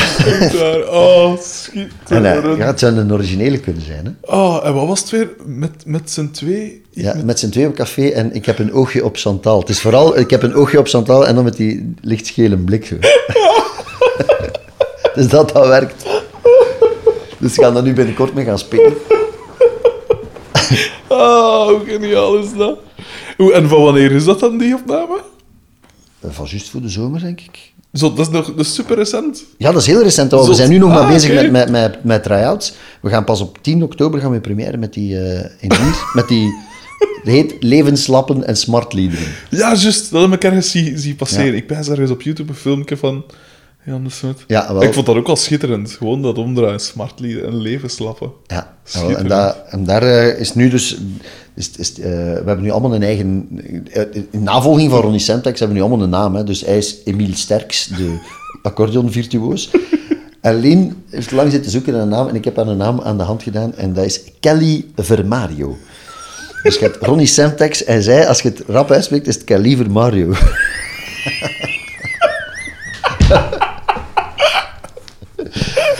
Schitterend. Maar dat gaat dan eigenlijk weer... Ik heb twee katten en die heten Ronnie en Mario. Dat komt daarvan eigenlijk. Ah, schitterend. Oh, oh ja, wat een.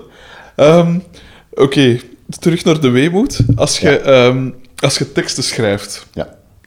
eh, van, waar, van waar komen die? Zijn dat persoonlijke dingen? Zijn dat verhalen dat gemaakt? Zijn, of, Ja, komt is- dat uit films, boeken? Waar al Dat die ook, dingen- dat ook, absoluut. Eh, zo is bijvoorbeeld August, dat nummer, is eigenlijk een aaneenreiging van woordspelingen op bestaande zinnen, op dingen die ik ken, op... eh, eh, Ja, ik heb dat gewoon eigenlijk, dat is eigenlijk ook begonnen als bijna een spelletje, als een woordspelletje. Mhm. Maar dan uiteindelijk begint zich daar een lijn in af te tekenen. Ik voelde in één keer dat er, er komt dan dat personage. Fleur says she doesn't want to be picked anymore, is de eerste zin. En dat is eigenlijk, Bloem zegt dat ze niet meer geplukt wilt worden. meer is het niet. Ja, maar dan is dat een personage geworden, die Fleur, eigenlijk. Dan begint hij daar doorheen te lopen en denk ik van, ah ja, oké. ja. En dan wordt, eigenlijk zou je het bijna kunnen lezen als een soort van heel gewelddadig iets, want eigenlijk heeft hij motten gekregen gewoon. Oké. Dus het is niet dat ik met Ja. madame afmot, in tegendeel. Nee, nee, ik en die heet ook niet Fleur. Want er is ooit een meisje op mij afgestapt die zegt... eh, ik heet Fleur. Is dat eigenlijk over mij geschreven? Ik zeg, Pardon, ik ken u niet. ja, Hoe ja. kan ik... eh, maar eh, dat wordt op een duur zo'n beetje raar. Ja. Anyway, maakt niet uit. Maar dat is wel cool, een, coole, een coole aanpak, want dat geeft het... Ik vind het altijd cool als ik zo teksten lees van artiesten en dat zo wat surrealistisch of op een manier dat je... Allee, dat je denkt van, oké, dit is wel... Dit is niet gewoon goed geschreven, maar dit is echt origineel geschreven. Dat Ja. het echt iets speciaals is. Ja. En als je dat soort mechanismes gebruikt, als dat Ja. jij nu doet, dan kom je wel op dat soort dingen uit.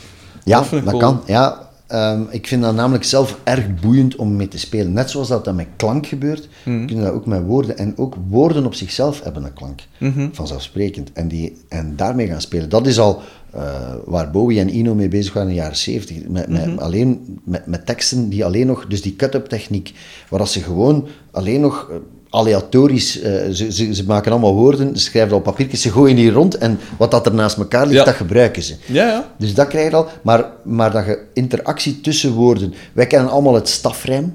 Mhm. Het typische rollende... de, de, de, de, de- dezelfde klinkers die terugkeren. Ja, de, de rollende, donderende wolken, bla bla bla. Affaire. Maar je kunt dat ook... Je kunt, je, kunt, eh, je kunt dat met klanken doen, maar je kunt dat ook met beelden doen. Mhm. In wat dat je zegt. En dat je twee beelden naast elkaar zet, die ketsen op elkaar af. Maar wat, wat, wat zeg je dan nu? Ja, dat gaat, het gaat niet over wat ik zeg. Het is, het is eigenlijk meer... Wat, wat wil dat zeggen dat je dat zegt? Ja. Dat is al iets anders. Er wordt, je- ik, ik, ik krijg er heel vaak de, de pupte van, van songteksten die zo zeer letterlijk Ja, zijn. ja, je moet dat, zeker. daar moet een grote meester in zijn om dat goed te kunnen doen. Dat is juist. En eigenlijk moet je daar, ga je daar terug op uitkomen, denk ik. Als je lang genoeg werkt, kom je daar terug op uit. Ja. Eh, Dylan is op een bepaald moment, dat is, dat is, dat is natuurlijk de, de maatstaf. Dylan is, is, op een bepaald moment heeft hij een nummer geschreven. I'm sick of love. I'm so sick of it. Dat is... Vroeger had hij daar een halve boek geschreven met, met grote beelden die uit de middeleeuwen kwamen. En dan en Nietzsche had hij... ik wil maar zeggen, en gelachen met iedereen. Ja. Om uiteindelijk te zeggen van... I'm sick of love. I'm so sick of it. En in één keer zingt hij dat. En dat is erg indrukwekkend. Als hij dat zingt, Tuurlijk. heeft dat zo'n lading. Ik van, maar vent toch, ja, wade. dat je daar... eh, Dat is zen-boeddhisme. ja. En, ehm, maar ik vind, eh, hij is natuurlijk een meester in, in, in, in, in hij, is, hij heeft zo'n immense humor, die kerel. Dus Al die teksten, dat is, dat is keihard om te lachen. Dat is deep shit. En, dat is, en, en dat is, die heeft zijn eigen hoofd straal geamuseerd. Die mensen nooit iets anders gedaan zijn eigen finaal geamuseerd met... met, met die zal ook wel afgezien hebben. Maar ik wil maar stellen, als je dat leest, dan weet je van wow, feest. En ik kom terug bij Whitley een van de dingen waar, hij nooit, waar nooit over gesproken wordt, is het feit dat hij geweldige lyrics heeft. Dat hij echt, man, die heeft teksten waar ik van, eh, compacte, afgekloven, korte dingen. Dan denk ik van, maar jongens toch, wauw. Hoe kom je daarop? Echt heel, eh, bij moment surreële beelden, maar als je daarnaar luistert en de combinatie met hoe hij het zingt en, en de muziek die erbij behoort, die ook heel sparse en dan, ik weet niet, ik, ik, ik, ik, ik, ik zwelg daarin. Allee, ik word daar ook mm ambetant van, lastig van, eh, dat, dat doet veel met mij. Ja, ja. Dan denk ik van, ja, daar, dat is iets wat ik ook naar zoek, dat wil ik kunnen. Die, die, ja, die, die, die energetische velden die zich eigenlijk bevinden tussen klank en, en, en woorden en betekenissen en beelden en noem maar op. Het is allemaal dan niet, maar hangt ertussen. Dan. Ja. Daarover gaat het. En daarover gaat muziek en daarover gaat eender welke eh, expressievorm die ze in, in de, in de, op de markt kunst noemen. Maar kunst, dat moet je niet zelf eh, noemen, vind ik. Je moet, dat- dat, er is iets gewoon, dat is een expressievorm en die, die beyond letterlijkheid is. En dat vind ik fantastisch. Ja, zeker. En daar probeer, ik- probeer ik zelf ook naar te zoeken. Ik- dat lukt me niet altijd, in tegendeel. Eh, als ik eh, naar bepaalde dingen terugluister, denk ik ook van, jee, jee, jee. Maar dat is niet erg, want ik vind ook, ik hoor graag mensen in demo's, ik hoor graag, ik zie graag leerprocessen. Ik vind dat veel boeiender dan afgewerkte dingen. We hebben het er juist al over gehad, over, over dus inderdaad ook platen die, die rammelen aan alle kanten. Eigenlijk, eh, ik kijk doodgraag naar mijn gasten die van alles aan het maken zijn en die dan zeggen, het is niet goed. Zeg, het is juist nu wel goed dat het niet goed is. Ja, tuurlijk. Het is dat dat tof is. Nu hangt er, ah, blijf eraf. Ik mocht dat natuurlijk niet zeggen, maar, maar, maar er, en, en, en hen bezig zijn en dat, dingen te ontdekken, eh, daar zit zoveel schoonheid in. En mm, ik denk dat, we, dat er te veel gezocht wordt, altijd maar naar perfectie en, en, en afgelekte brol. En, eh, eh, eh, hoe moet ik zeggen, heel, heel erg... eh, eh, alsof dat, dat alles overgoten is met, met een, een, een, een medicijn dat, dat alle bacteriën doodt. Ja, ja, ja. Het, is, het is, mag vooral niet... Zelfs als er iemand zogenaamd vuil klinkt, is dat nog altijd processed vuil. Ah! Het is nog McDonald's ge- het is- vuil. Het is nog altijd gewakst allemaal. Ja. ja, maar ja, het is gelijk dat je zegt van, jij bent opgegroeid met, met, met punkrock, Hmm. Maar dat is al de, de, de, de latere punkrock.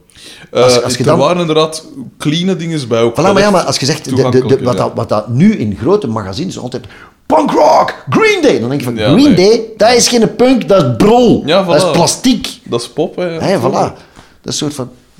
Ben je weg, liefje? Ik zoek de elektrische gitaar van die. Ah, oh, excuseer. Dat is niks, dat is niks. Maar moet ik nog een kabel ook mee? Misschien wel. Wacht, ik ga een grap, een kabel pakken. Versterker, gaan ze dat daar gebruiken? hebben? ja, ja, dat zal ik daar wel krijgen. Eh, zo.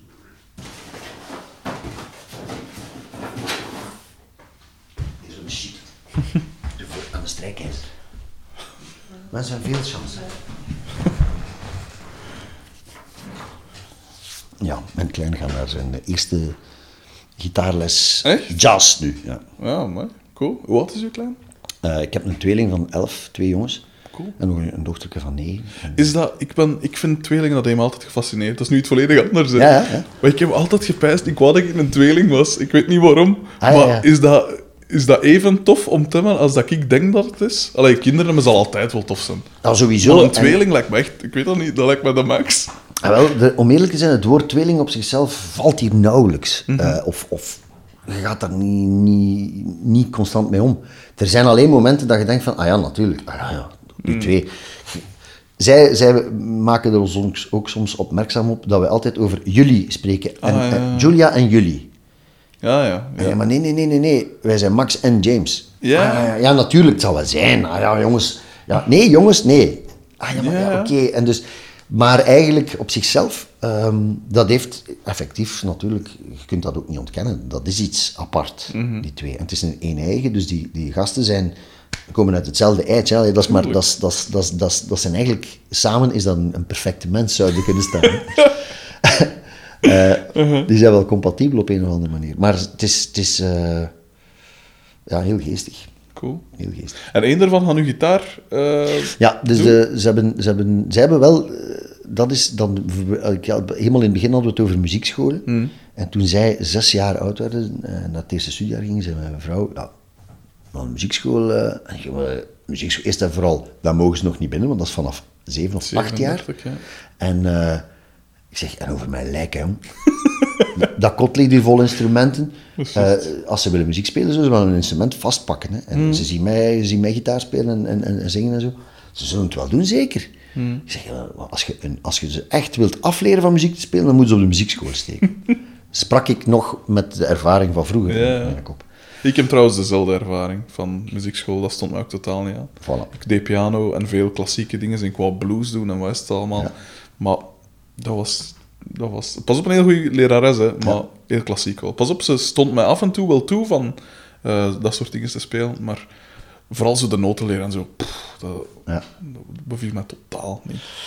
Maar dan, eh, dat, bij mij was het buiten mijn madame gerekend, want die heeft ervoor gezorgd dat er dus een jonge gast op school, Mhm. echt op school, na de schooltijd, komen noodleer geven is. Ah, ja. En die heeft dat heel goed gedaan. Die gasten kwamen hier naar huis en die dachten, wij noodleer, dat is cool, hè, dat is de max.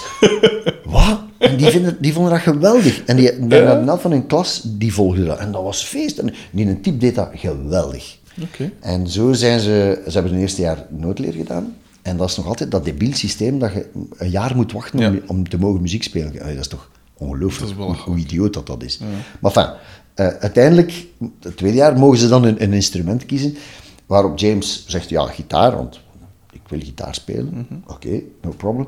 En de andere zegt, die was eigenlijk bezig met, met de drummen, want ze hadden hier al van alles opgepakt en zo. Oh, Cool. Ze hadden hier al wel gespeeld, hè. Fantastisch, maar zo impro, hè. Ja. En eh, dan, dan zei, eh, zei eh, de andere, ik ga trompet spelen.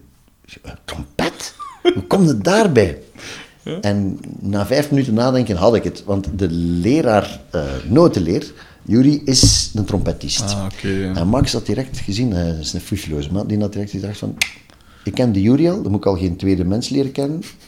Yuri is een toffe gast. Ten tweede, als de Yuri hier op school is, kan hij nog een beetje trompet geven. Moet ik tenminste niet naar die pool gaan, naar de, naar de academie? I'm fine. Oké, de- slim gezien van hem. Alleen, wat dat hij niet gedacht had, was dat die trompet zo in zijn gat ging bijten. Want hij is daar dol op, op die trompet. En hij speelt, ik weet niet hoe goed. Dus die is echt beginnen trompet spelen. En ze hebben dat nu drie jaar volgehouden. De andere drie jaar klassiek. En hij drie jaar klassiek trompet. Die klassieke gitaar, daar krijg ik stenen kloten van. Dat is werkelijk, de, dat is de meest pruts, oh, vreselijke muziek vind ik dat. Inderdaad. En dus eh, hebben ze, ze hebben nu een, een, een ding achter de rug, vier jaar noodleer achter de rug. Mhm. En Max zit er nog piano ook bij gedaan. Dus die doet en piano en, en trompet. En gaat hij nu mee stoppen met die piano. Maar dan heeft hij wel zijn basis. En hij vond dat tof wel. Maar nu gaan ze al twee jazz gaan doen. Dat is de Max. Dus hij gaat beginnen jazz-trompet en de andere jazz-gitaar spelen. Amai. Dat wordt lachen. Dus vandaag is de eerste keer. Cool. En dan- ze krijgen zijn ensemble ook. Hè. Ja, mooi. Dat wordt... Ik ben heel benieuwd wat dat gaat zijn. Hetzelfde geld. Eh, wat dan me daar biedt, en eigenlijk al doorgaans het eh, gesprek eh, door opvalt, is dat je een hele rijke woordenschat hebt. Ik ben zelf ook allee, veel bezig met taal. Ik lees veel, ik schrijf ook. Allee, ehm, ik schrijf columns en zo in, in de morgen ook. Ja. Tot mijn, allee, dat is een droom dat uitgekomen is. maar dat viel me dus direct op, woorden ga ik fnuiken en zo. Oké, dat zijn allee, niet zo'n abnormale woorden, maar ja, dat is nu niet dat je in een gewoon standaard gesprek met, met mijn moeder zal dat bijvoorbeeld nooit gebruiken. Ehm, maar ik neem dan aan dat je veel, altijd veel gelezen hebt of zo, of, of van waar komt dat taalgevoel dan? En, en heeft dat een, eh, reflecteert hem dat in je... Want je zei er juist ook over die rijmen en wat is het, en de kleur van woorden en de, de- het gevoel dat dat uitstraalt en wat is allemaal. Dus je bent zelf ook wel met taal bezig. En, en, of allee, dat, toch een voorliefde er echt voor. Ja, van komt grote dat liefde voor taal. Ik vind Ja. taal fantastisch. Ik, ben, ik heb het geluk dat, ik- dat ik een, een, een, een aangeboren taalgevoel heb. Dus ik, Ja. ik kan makkelijk een taal leren en ik, ik ben, het is, mijn probleem is zelfs zo erg dat ik, dat is geen probleem, maar dat, ik- dat ik eigenlijk, eh, moesten wij nog even zitten verder babbelen, ga ik, alle wat dat er u- van dialectische kleuren in uw stem zit, ga ik beginnen overnemen. Dus een soort van chameleontisch Ja, iets. En ik kan daar niet aan doen. Dus dat, dat, ik, ik neem dat heel vaak over en dat, ik moet mij daar, soms moet ik mij in, inhouden van, ah, je bent weer bezig. Als ik met een West-Vlaming wel ben, dan een keer en zeg ik, zo met de klap mij aan, hoe is dat? En zonder dat ik het wil, hè. Ja. Dat is echt, ik ben van Gent, eigenlijk zou ik een Gens accent moeten hebben.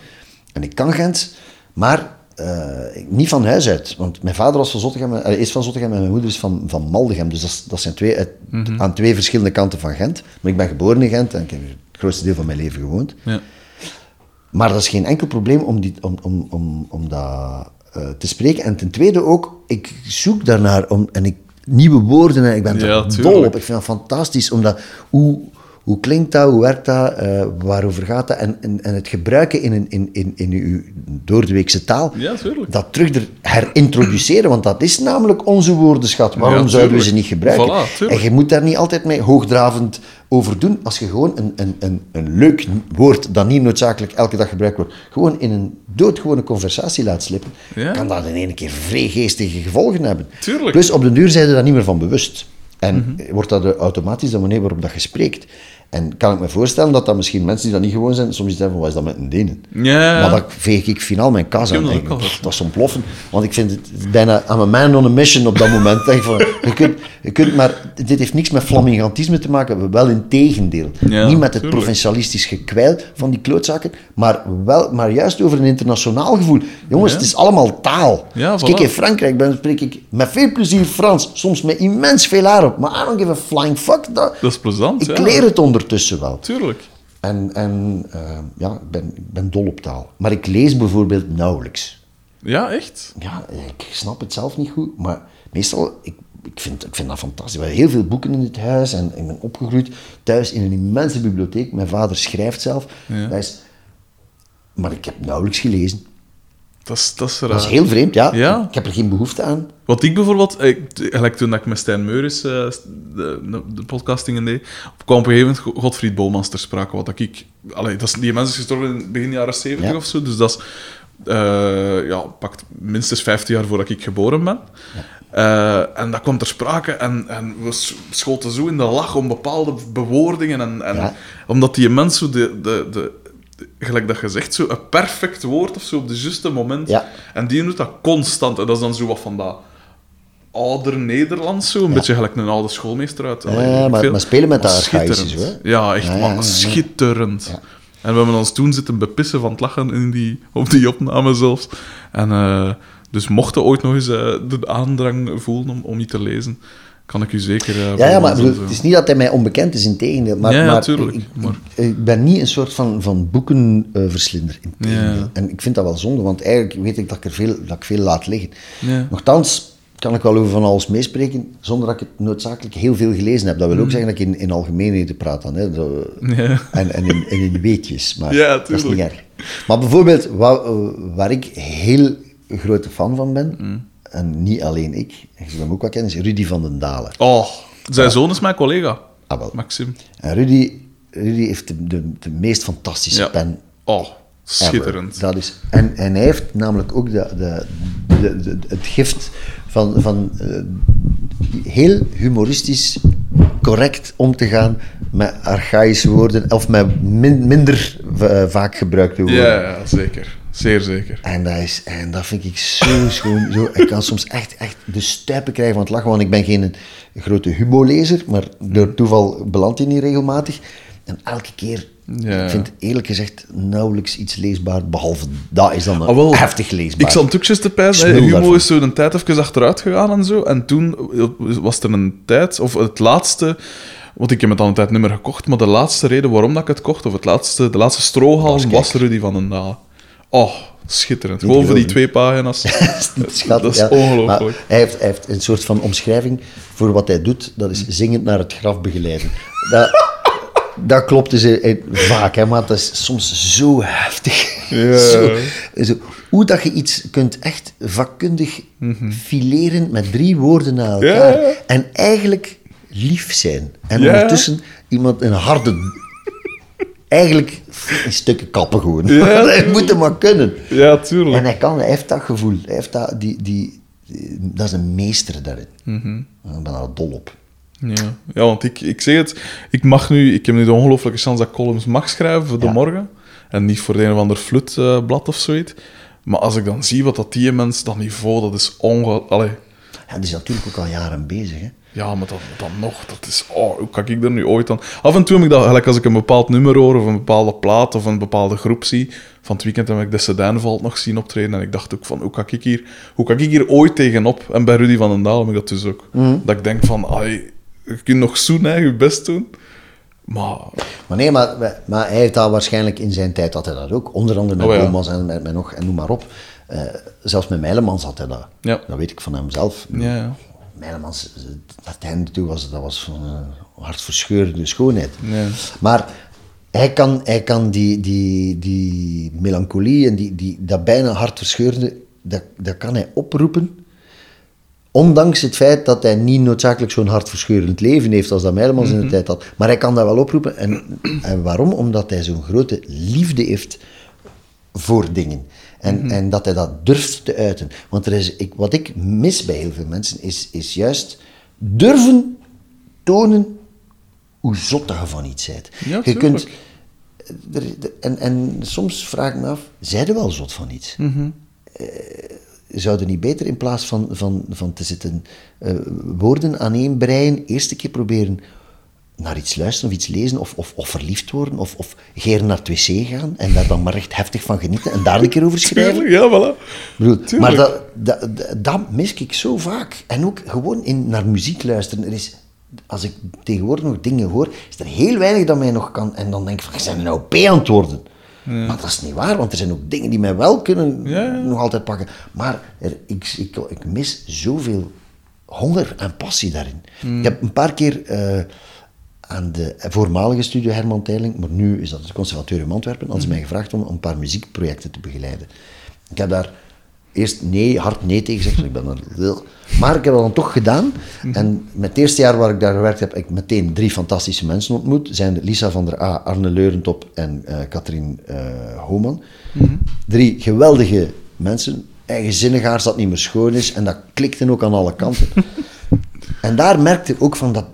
Die hebben goesting, die, die, die, die, zijn, die, die zijn niet alleen maar in één vakje aan het denken, die, die, die eten graag iets. En, Ja, die, en dat, die klappen daarover. En, en, dan, en ik wil maar stellen, dat, eh, dat maakt deel uit van hun leven. Wat ze maken maakt deel uit van hun leven. Dat is geen job. Terwijl ik, ik, hoor, ik zie sommige mensen, oh, in de jaren daarna dat ik daar werkte, zag ik sommige mensen vroeten met vorm. En van, ik moet dit doen. En ik, je moet niets. Nee, je moet alleen asemen, slapen en schijten. Dat vooral moet doen en eten en drinken. Maar er zijn weinig andere dingen die je moet doen. Dat vooral moeten niet doen. Eh, eh, heb je vandaag geen goesting om te werken, dan slaapt je. Ja, tuurlijk. Meer is het niet. En ik, legde ook, eh, ik probeer aan die gasten ook uit te leggen, je moet vooral, die keken ook altijd scheef zo in het begin. Ik heb niks te zeggen, ik heb niks uitgevonden. ik weet eigenlijk niet waarover ik spreek. Van mij moet je niks geloven. Ja. Ik kan hier alleen maar naast u meelopen en u wat schuppen geven en u doen vallen en, en, en u kittelen en, u, en, en, zeggen, en, en, en zeggen wat ik ervan denk. Ja. Nochtans dat je van mij niets moet geloven, want wie ben ik maar? Voilà. What the fuck? Ja. Doe je eigen ding en ik kan alleen maar een beetje mee helpen duwen. Zo gaan we beginnen. En ten tweede, je moet goed eten. Ja, en die zitten dan naar u te kijken, zo. dan zie je ook zo lijnende Hollandse meisjes. Wat? Zeg, als je niet eet, kun je niet spelen. Je moet eten. En die zitten zo wat- en die beginnen dan te lachen en dan word ik heel ernstig. Zeg, je gelooft mij niet. Als je niet weet wat dat goed eten is, hoe kun je dan in godsnaam iets goed maken? Je moet, je moet je lijf voeden. Ja. Dus het gaat niet alleen over in je mond steken, maar je moet ook eten met je ogen en je oren. Je moet fretten, eten. Je moet je niet vol proppen, maar je moet eten en savoureren en smaken en alles. Dat moet, dat moet je doen. En ook gewoon echt goed eten. Je gaat op restaurant, iets goed gaan eten, of thuis, je koopt iets lekkers. Je zit er allemaal naar te kijken, wat is dat met die? Ja. En ik meen dat. Ik vind dat vrij belangrijk. Je moet, Terecht. dat gaat niet over bourgondische aard, het gaat over het feit dat je je lijf moet geven wat dat vraagt. En dat, zelfs een beetje meer mag dat altijd zijn, denk ik. Dat is waar. Ik geef je volledig gelijk. Een Ehm, goede Norval bijvoorbeeld. Ehm, ik ga spijtig genoeg even moeten verzanden in een absolute clichévraag, maar ik vind ze te belangrijk om ze niet te stellen. Namelijk, oercliché, pakt, je belandt op een onbewoond eiland met een pick-up en weet ik veel, en je mocht een aantal platen meepakken. Ja. Welke, ik vind dat een ongelooflijke clichévraag, maar wel een geniale De vraag. Desert Island is Ja, ja. Eh, wat ga ik meepakken? Ik denk sowieso de best-of van Chuck Berry. Mhm.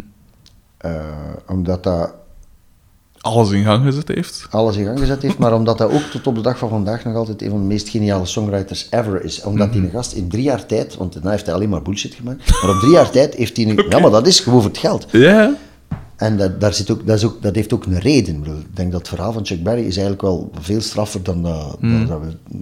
Maar Berry heeft gewoon een collectie liedjes geschreven die nooit voorheen geschreven zijn. Populaire muziek heeft hij bij, bij wijze van spreken een, een nieuwe vorm gegeven. Ja. Want het gaat, je hebt wel de King of Rock and Roll, bla bla bla, Elvis, en daar ben ik ook vrij fan van. Maar wat kwam er bij Chuck bij dat hij eerst en vooral veel breder luisterde, want hij speelde eigenlijk een soort van honky tonk. Tong tik, tong tik, tong tik. Dat, dat zit er allemaal in. Tuurlijk. Maar het was wel een black dude, dus hij, had, hij kende heel veel blues. En er zat Caribische muziek in. Hij gebruikte Spaanse woorden. Plus, hij vertelde op, op, op, in twee stroofjes en de refrein een filmscenario. Maar je moet dat maar doen. Op, Absoluut.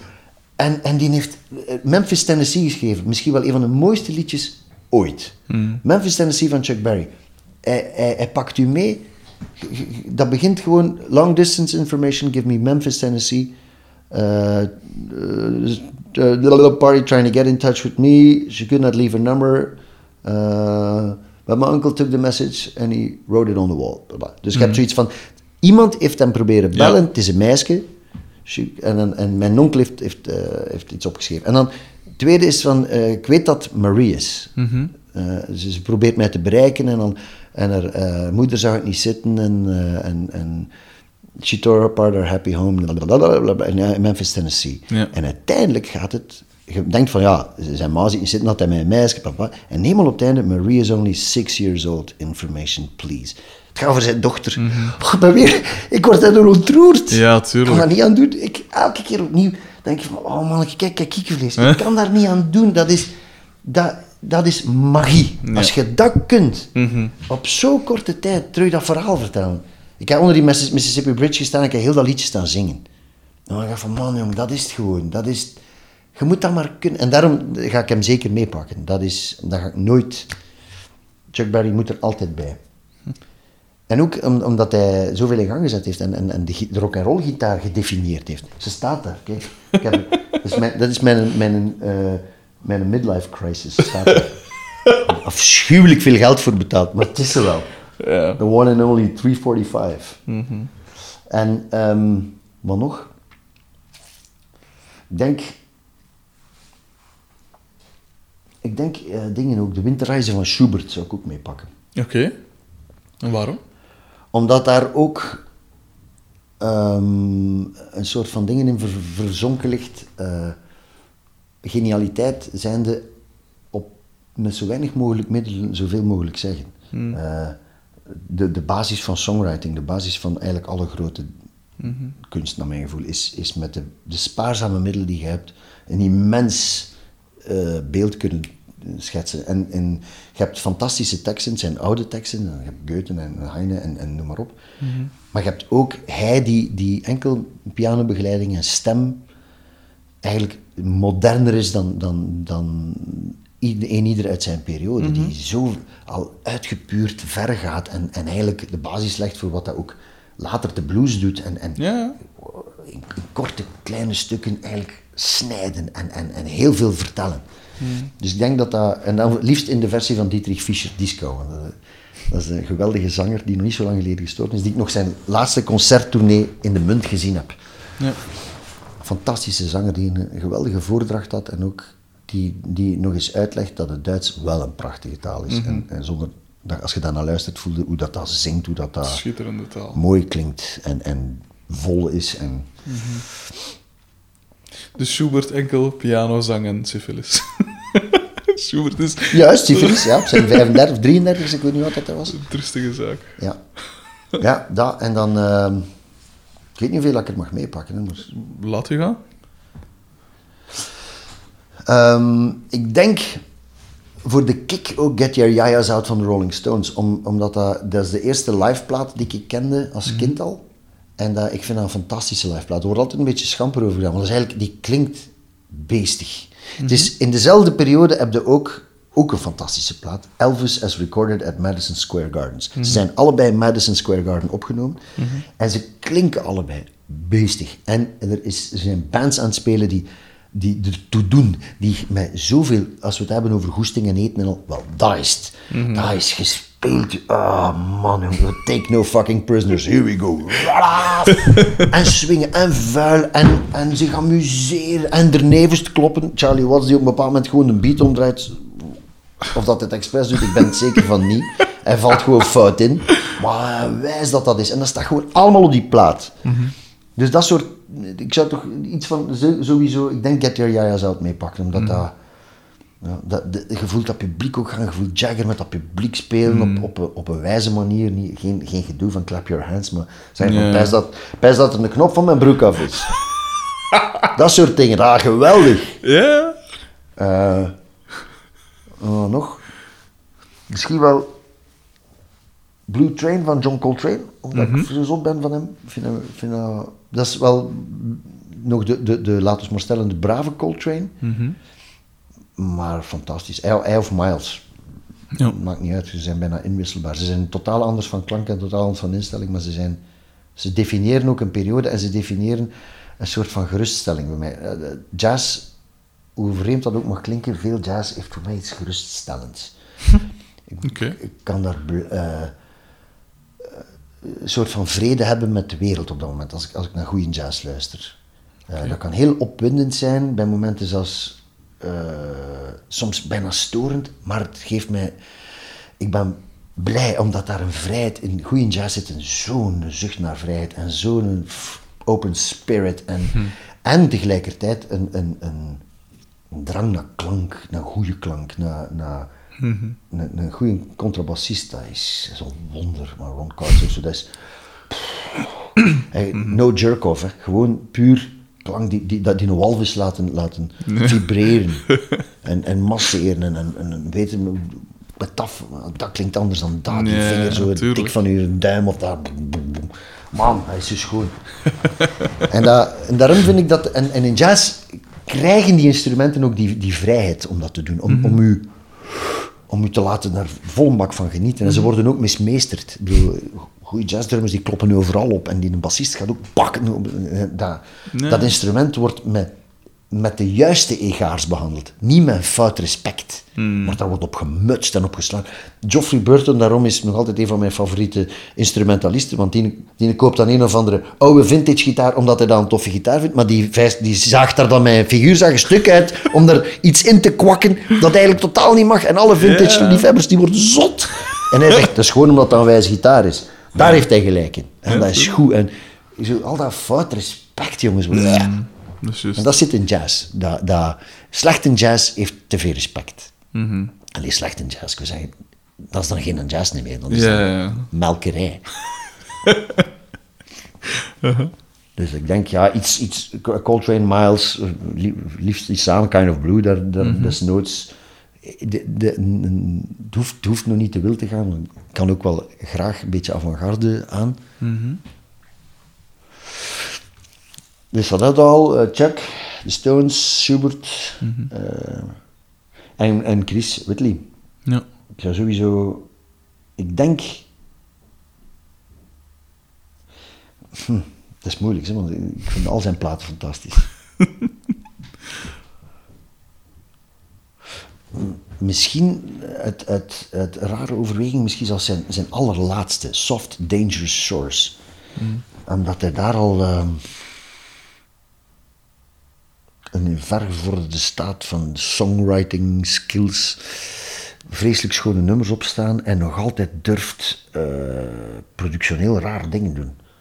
Ik denk van, dat had ik van u niet verwacht. En toch doet hij dat. En het klinkt allemaal heel organisch. En het is mooi geproduceerd. Malcolm Byrne heeft dat gedaan.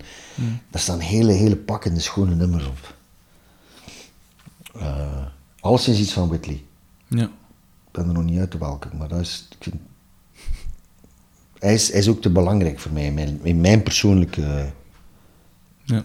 benadering van muziek. Er wordt... Ja? Ah, ja. Wacht. Hallo. Ja, het is een. Merci. hè. Amusement.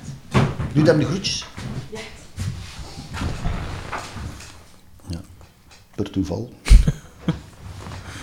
Per toeval komt Trixie Whitley hier. Ja. Ehm, eh, ik wil u geen woorden in, de mond leggen of geen dingen ehm, eh, voorzetten. Maar ik, ik merk dat Scott Walker de Final Cut niet gehaald heeft. Ah, was het al gedaan? Ah nee, ik weet niet, ja. Ah ja, nee, ik nee, dacht nee, een nee, nee, vijftal, nee, nee, maar... nee, ik was, ik denk, ik was al... Ah, nee, nee, was ja. Nee, nee, hij, hij, hij gaat er zeker bij. Ik denk dat ik gewoon Tilt meepak, sowieso. Tilt of Scott 4. Eén Ja. van die twee. Nee, nee, hij moet daarbij. Dat is, dat is eh, zonder, zonder twijfel. Hmm. Nee, ik was aan het denken, hoeveel, hoeveel zou ik er mogen meepakken? Oh ja, maar Ik kan ja. zo maar blijven gaan. zo. Maar ik dacht, op, eh, eh, er zijn er al vijf gepasseerd en er is zo gepassioneerd over die mens bezig. Ik dacht misschien dat hij al rapper zou... Nee, nee, nee. Ik zal niet, eh, niet erop afvallen. Alhoewel, Al wat dat je niet meer hebt, niet meer, dat je ooit al gehad. Bedoel, Je kunt ook, ik vind dat er veel in, in je kop zit. Hè. In, je, in al wat dat je gegeten en gedronken en, ge, en geproefd en gehoord en ge- geroken hebt, dat blijft... Het is vooral je geheugen die het hem doet. Hè. Ik, ik, ik merk nu dat we bijvoorbeeld... Ik ben met Roland een paar keer naar Japan gaan spelen. Dat is geweldig om dat te doen. De eerste keer dat wij daar waren, ik heb foto's getrokken en gefilmd. Ik heb dat zelfs ik heb dat dan gemonteerd hier. Wow. De laatste keer dat wij daar waren, ik heb nauwelijks, allee, alleen nog wel onnozele foto's getrokken. Ja, Ja, kalf uithangen. En, maar filmen, pff, wat nee, gij. Mhm. En dan denk ik van, ja, natuurlijk, en je geniet veel meer van wat je zijt. Tuurlijk. Het, het idioot van tegenwoordig mensen op concerten die constant alles staan te filmen. Ik versta dat ook niet. Om zot te worden, ja. Ik bedoel, één foto kan dat begrijp ik. Maar dat filmen, dat heb ik nooit begrepen. Dat geluid trekt op niks, sowieso. En ja, dat beeld, ja, je ziet er dan wel van, wat is het, 20, 30, 40 meter, zie je iemand op een podium staan. Ja, ik versta het ook niet. Nee, maar bon. Dus ik, maar, waar, waarmee ik gewoon wil zeggen dat eigenlijk de grootste dingen die je zou meepakken, maar meepakken naar Nederland is vooral je eigen harddisk in je kop. hè. En zoveel mogelijk proberen bijhouden. En, en, en er, er is niks fout met, met, met na te genieten. Eh, ik kan even goed van een reis, ik geniet bijna evenveel van een reis nadien als dat ik er ter, ter plekke ben. Gewoon in mijn kop. Ik weet nog, eh, toen ik uh, Ige mij me gaan bezoeken ben in China, de allereerste keer was dat denk ik. Ik ben ze een paar keer gaan bezoeken, dat is toen ze daar woonden. Had ik een DAT-recorder, Ja. een DAT-recorder met een portable. En toen heb ik die meegenomen en dat was, nee, dat was niet de eerste, enfin, het, was, het was ergens, eh maakt niet uit. En ik had een DAT-recorder mee en we, we, we, we zijn naar ehm Hongkong gevlogen, zo was het, want ze woonden daar toen niet meer. Juist, we zijn naar Hongkong gevlogen, maar we zijn er wel eh, op reis gegaan.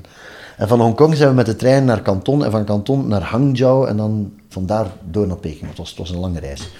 Maar ik weet nog dat ik, dat ik gewoon ehm, met die DAT-recorder bij had en nauwelijks foto's nam. We hadden wel nog zo'n een typisch oud fototoestel. Ja. Maar dat ik bijna alles opnam. Dus plekken gewoon het geluid opnemen. Dat was fantastisch. En op, op August, op die plaats van mij, staat gewoon een nummer dat heet Canton. En dat is letterlijk... We stappen uit het station van Canton het plein op. En ik neem gewoon op. En wat dat je dan hoort, dat, staat, dat is dat nummer. En achteraf heb ik gewoon... Ik had zo wat notities gemaakt terwijl ik daar terwijl we op prijs waren. En, en, achteraf heb ik gewoon die notities opengedaan. Ik heb die gewoon gezongen op de begeleiding van de lawaai. En dat is het nummer Canton geworden.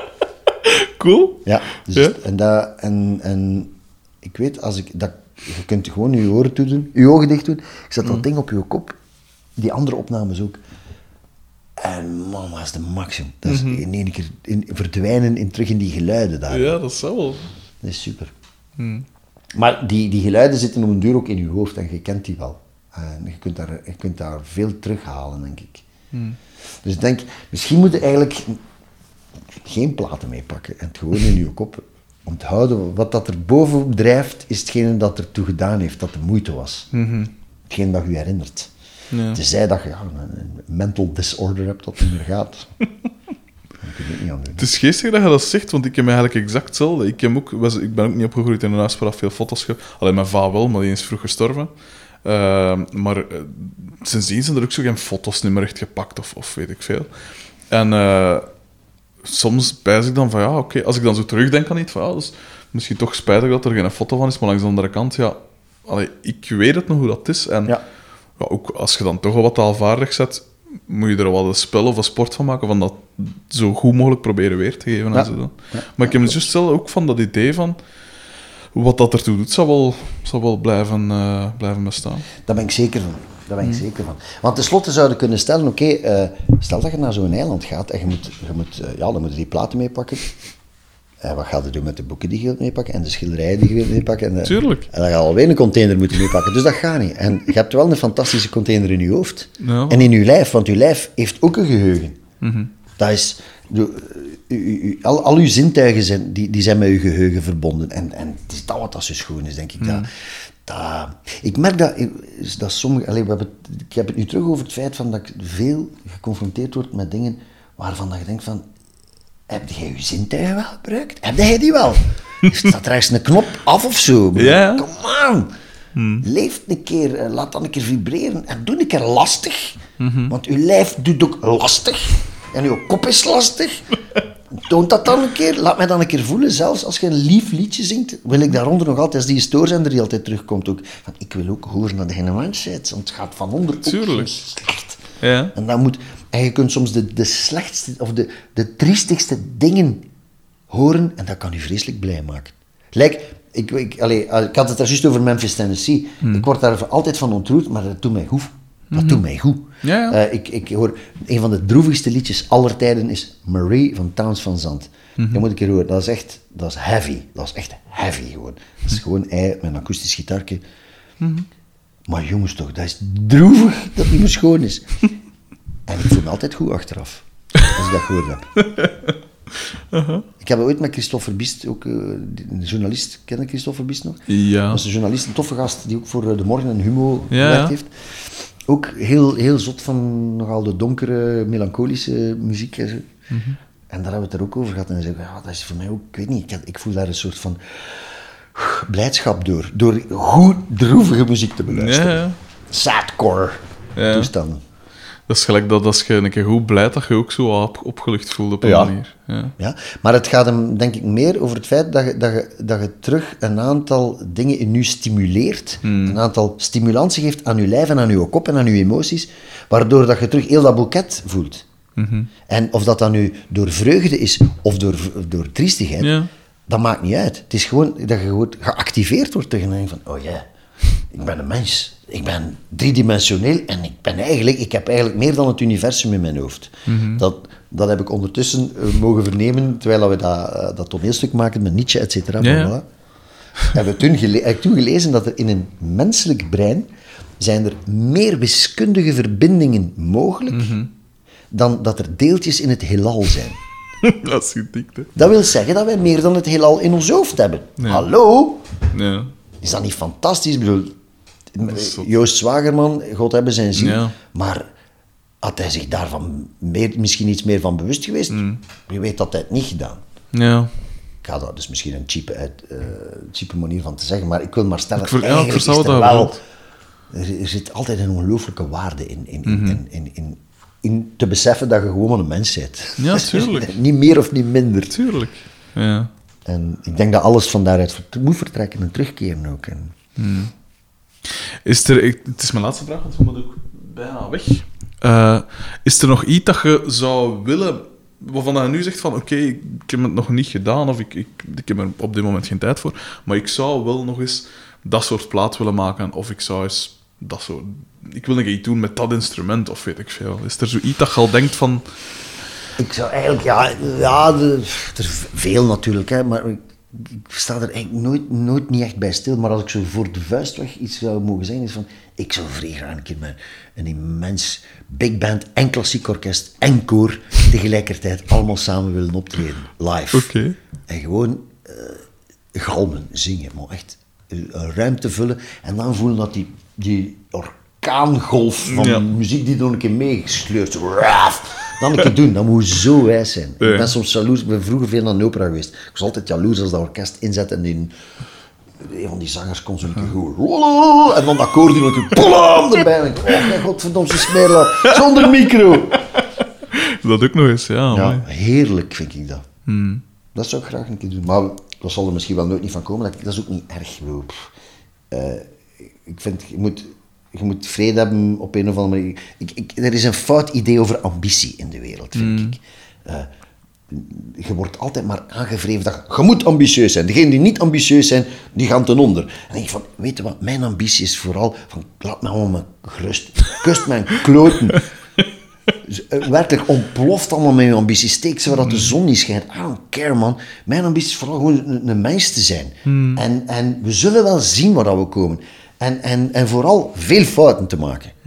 Ik ga niet zeggen dat ik de fouten opzoek. Ik zeg alleen maar dat ik het mij, mijzelf niet ga tegenhouden van er, van, van er een te maken. te als, maken, als, ja. als, als het gebeurt, dan gebeurt het. Tuurlijk. Ik, ik ben voorzichtig. Maar fouten maken, dat moet, daar leerde u stil mee. Daar leerde u mee leven. Het is, het is with the bruises. En, en daar, daar, daar, dat is waar godverdomme waarover dat gaat. En dat leer, ik- probeer ik aan de kinderen ook mee te geven. Van, en aan mijn vrouw ook. Dat is de manier waarop je leeft. En niet alles zo in, in, in een soort van stroom te zien waar, waar, waar, waar dat je mee moet. De, Hmm. de lemmingen die, die richting de rots aan het lopen zijn, om het, om het dan heel erg clichématig te zeggen. Maar, Nee, dat, maar- dat vals idee over ambitie, ik Ja. krijg er het scheid van. Ja, wel, dat is wat aan mij tegenwoordig gestoord. Eh, tegenwoordig iets eigenlijk enkel waarde als, het- als het iets opbrengt. Geld, als het geld opbrengt. Sowieso, ja. En ehm, want ik ben op zich een heel ambitieuze mens, maar niet in de zin van geld verdienen of weet ik veel, of, of prestige of weet ik veel. Ik wil gewoon, en dat is ingegeven doordat mijn vader gestorven is, en zij vader gestorven is, Ja. en zij vader gestorven is. Als ik dan ook maar 42 jaar zou worden, dan wil ik er wel het maximum uitgehaald Ja, hebben voor snap mijzelf. ik, snap ik. Eh, gelijk, ik heb een boek geschreven op vraag van, van de bezige bij. Dat was nu wel een sportboek over Mark Wilmots. Dat, stel nu niet echt, dat, was, dat is niet echt mijn ambitie. Maar ik weet wel dat ik een verhaal in mij zit en dat wil ik wel geschreven hebben. Voor mijn 42 dan, liefst. Als, als ik zo oud maar zo worden. En ik, heb, ik ben nu al jaren aan het broeden op een, op een plaats. En die ben ik nu, of ik ben er nu twee nummers van aan het oppakken. Met dus met de ambitie om ze natuurlijk gans op te pakken ook Ja. ooit. En dat wil ik wil wel, allee, ik heb dan een paar talenten. Of, allee, die taalvaardigheid heb ik dan. En ik heb de kans dat ik een beetje muzikaal eh, ben.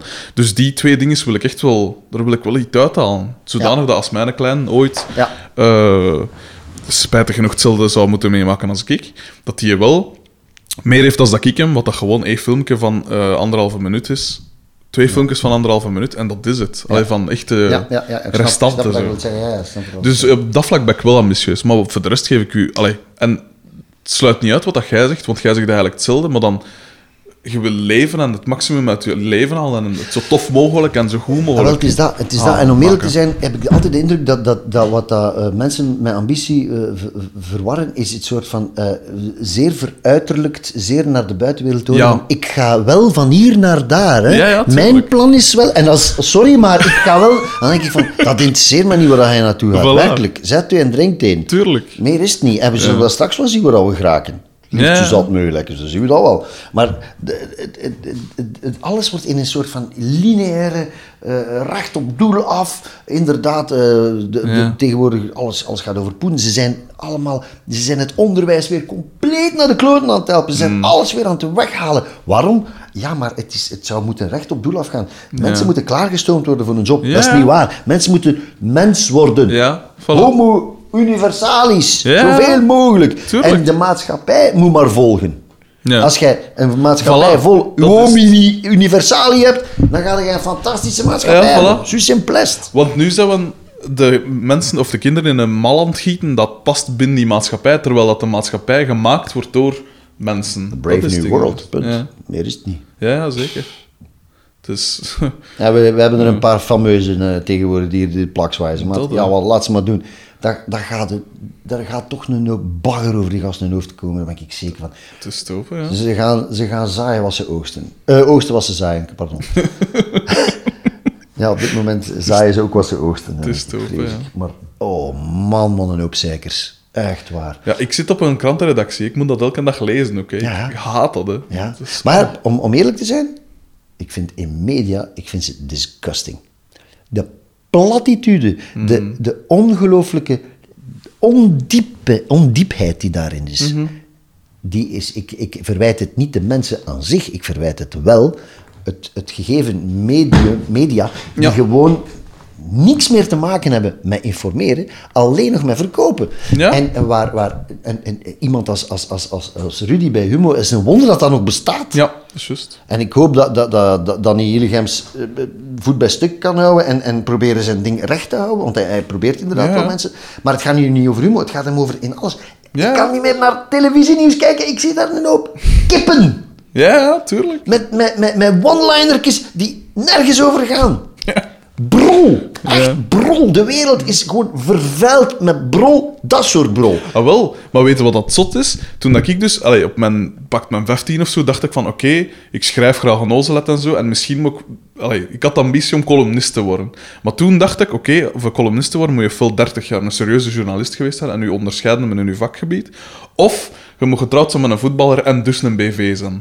Dat dacht ik, dat, de- dat was de regel om columnist te mogen worden. Ja, maar dat is toch zot dat... Ongelooflijk. Allee, ik ben nu geen domme jongen, maar dat dat er zelfs bij mij zo wordt ingepompt, Ja. dat, is toch, dat, dat zegt toch alles? Ongelooflijk, ja.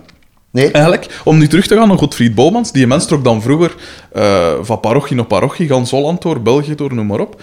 En die ging dan spreken in, in cultureel centra en in zaaltjes en weet ik veel, parochiezaal. En daar zat een ganse hoop volk, gewone mensen, en die luisteren, die praten op een intelligente toon, met intelligente woorden, schat en weet ik veel. Fijn gevoelige mopjes, geen platte dingen, geen gemakkelijke dingen.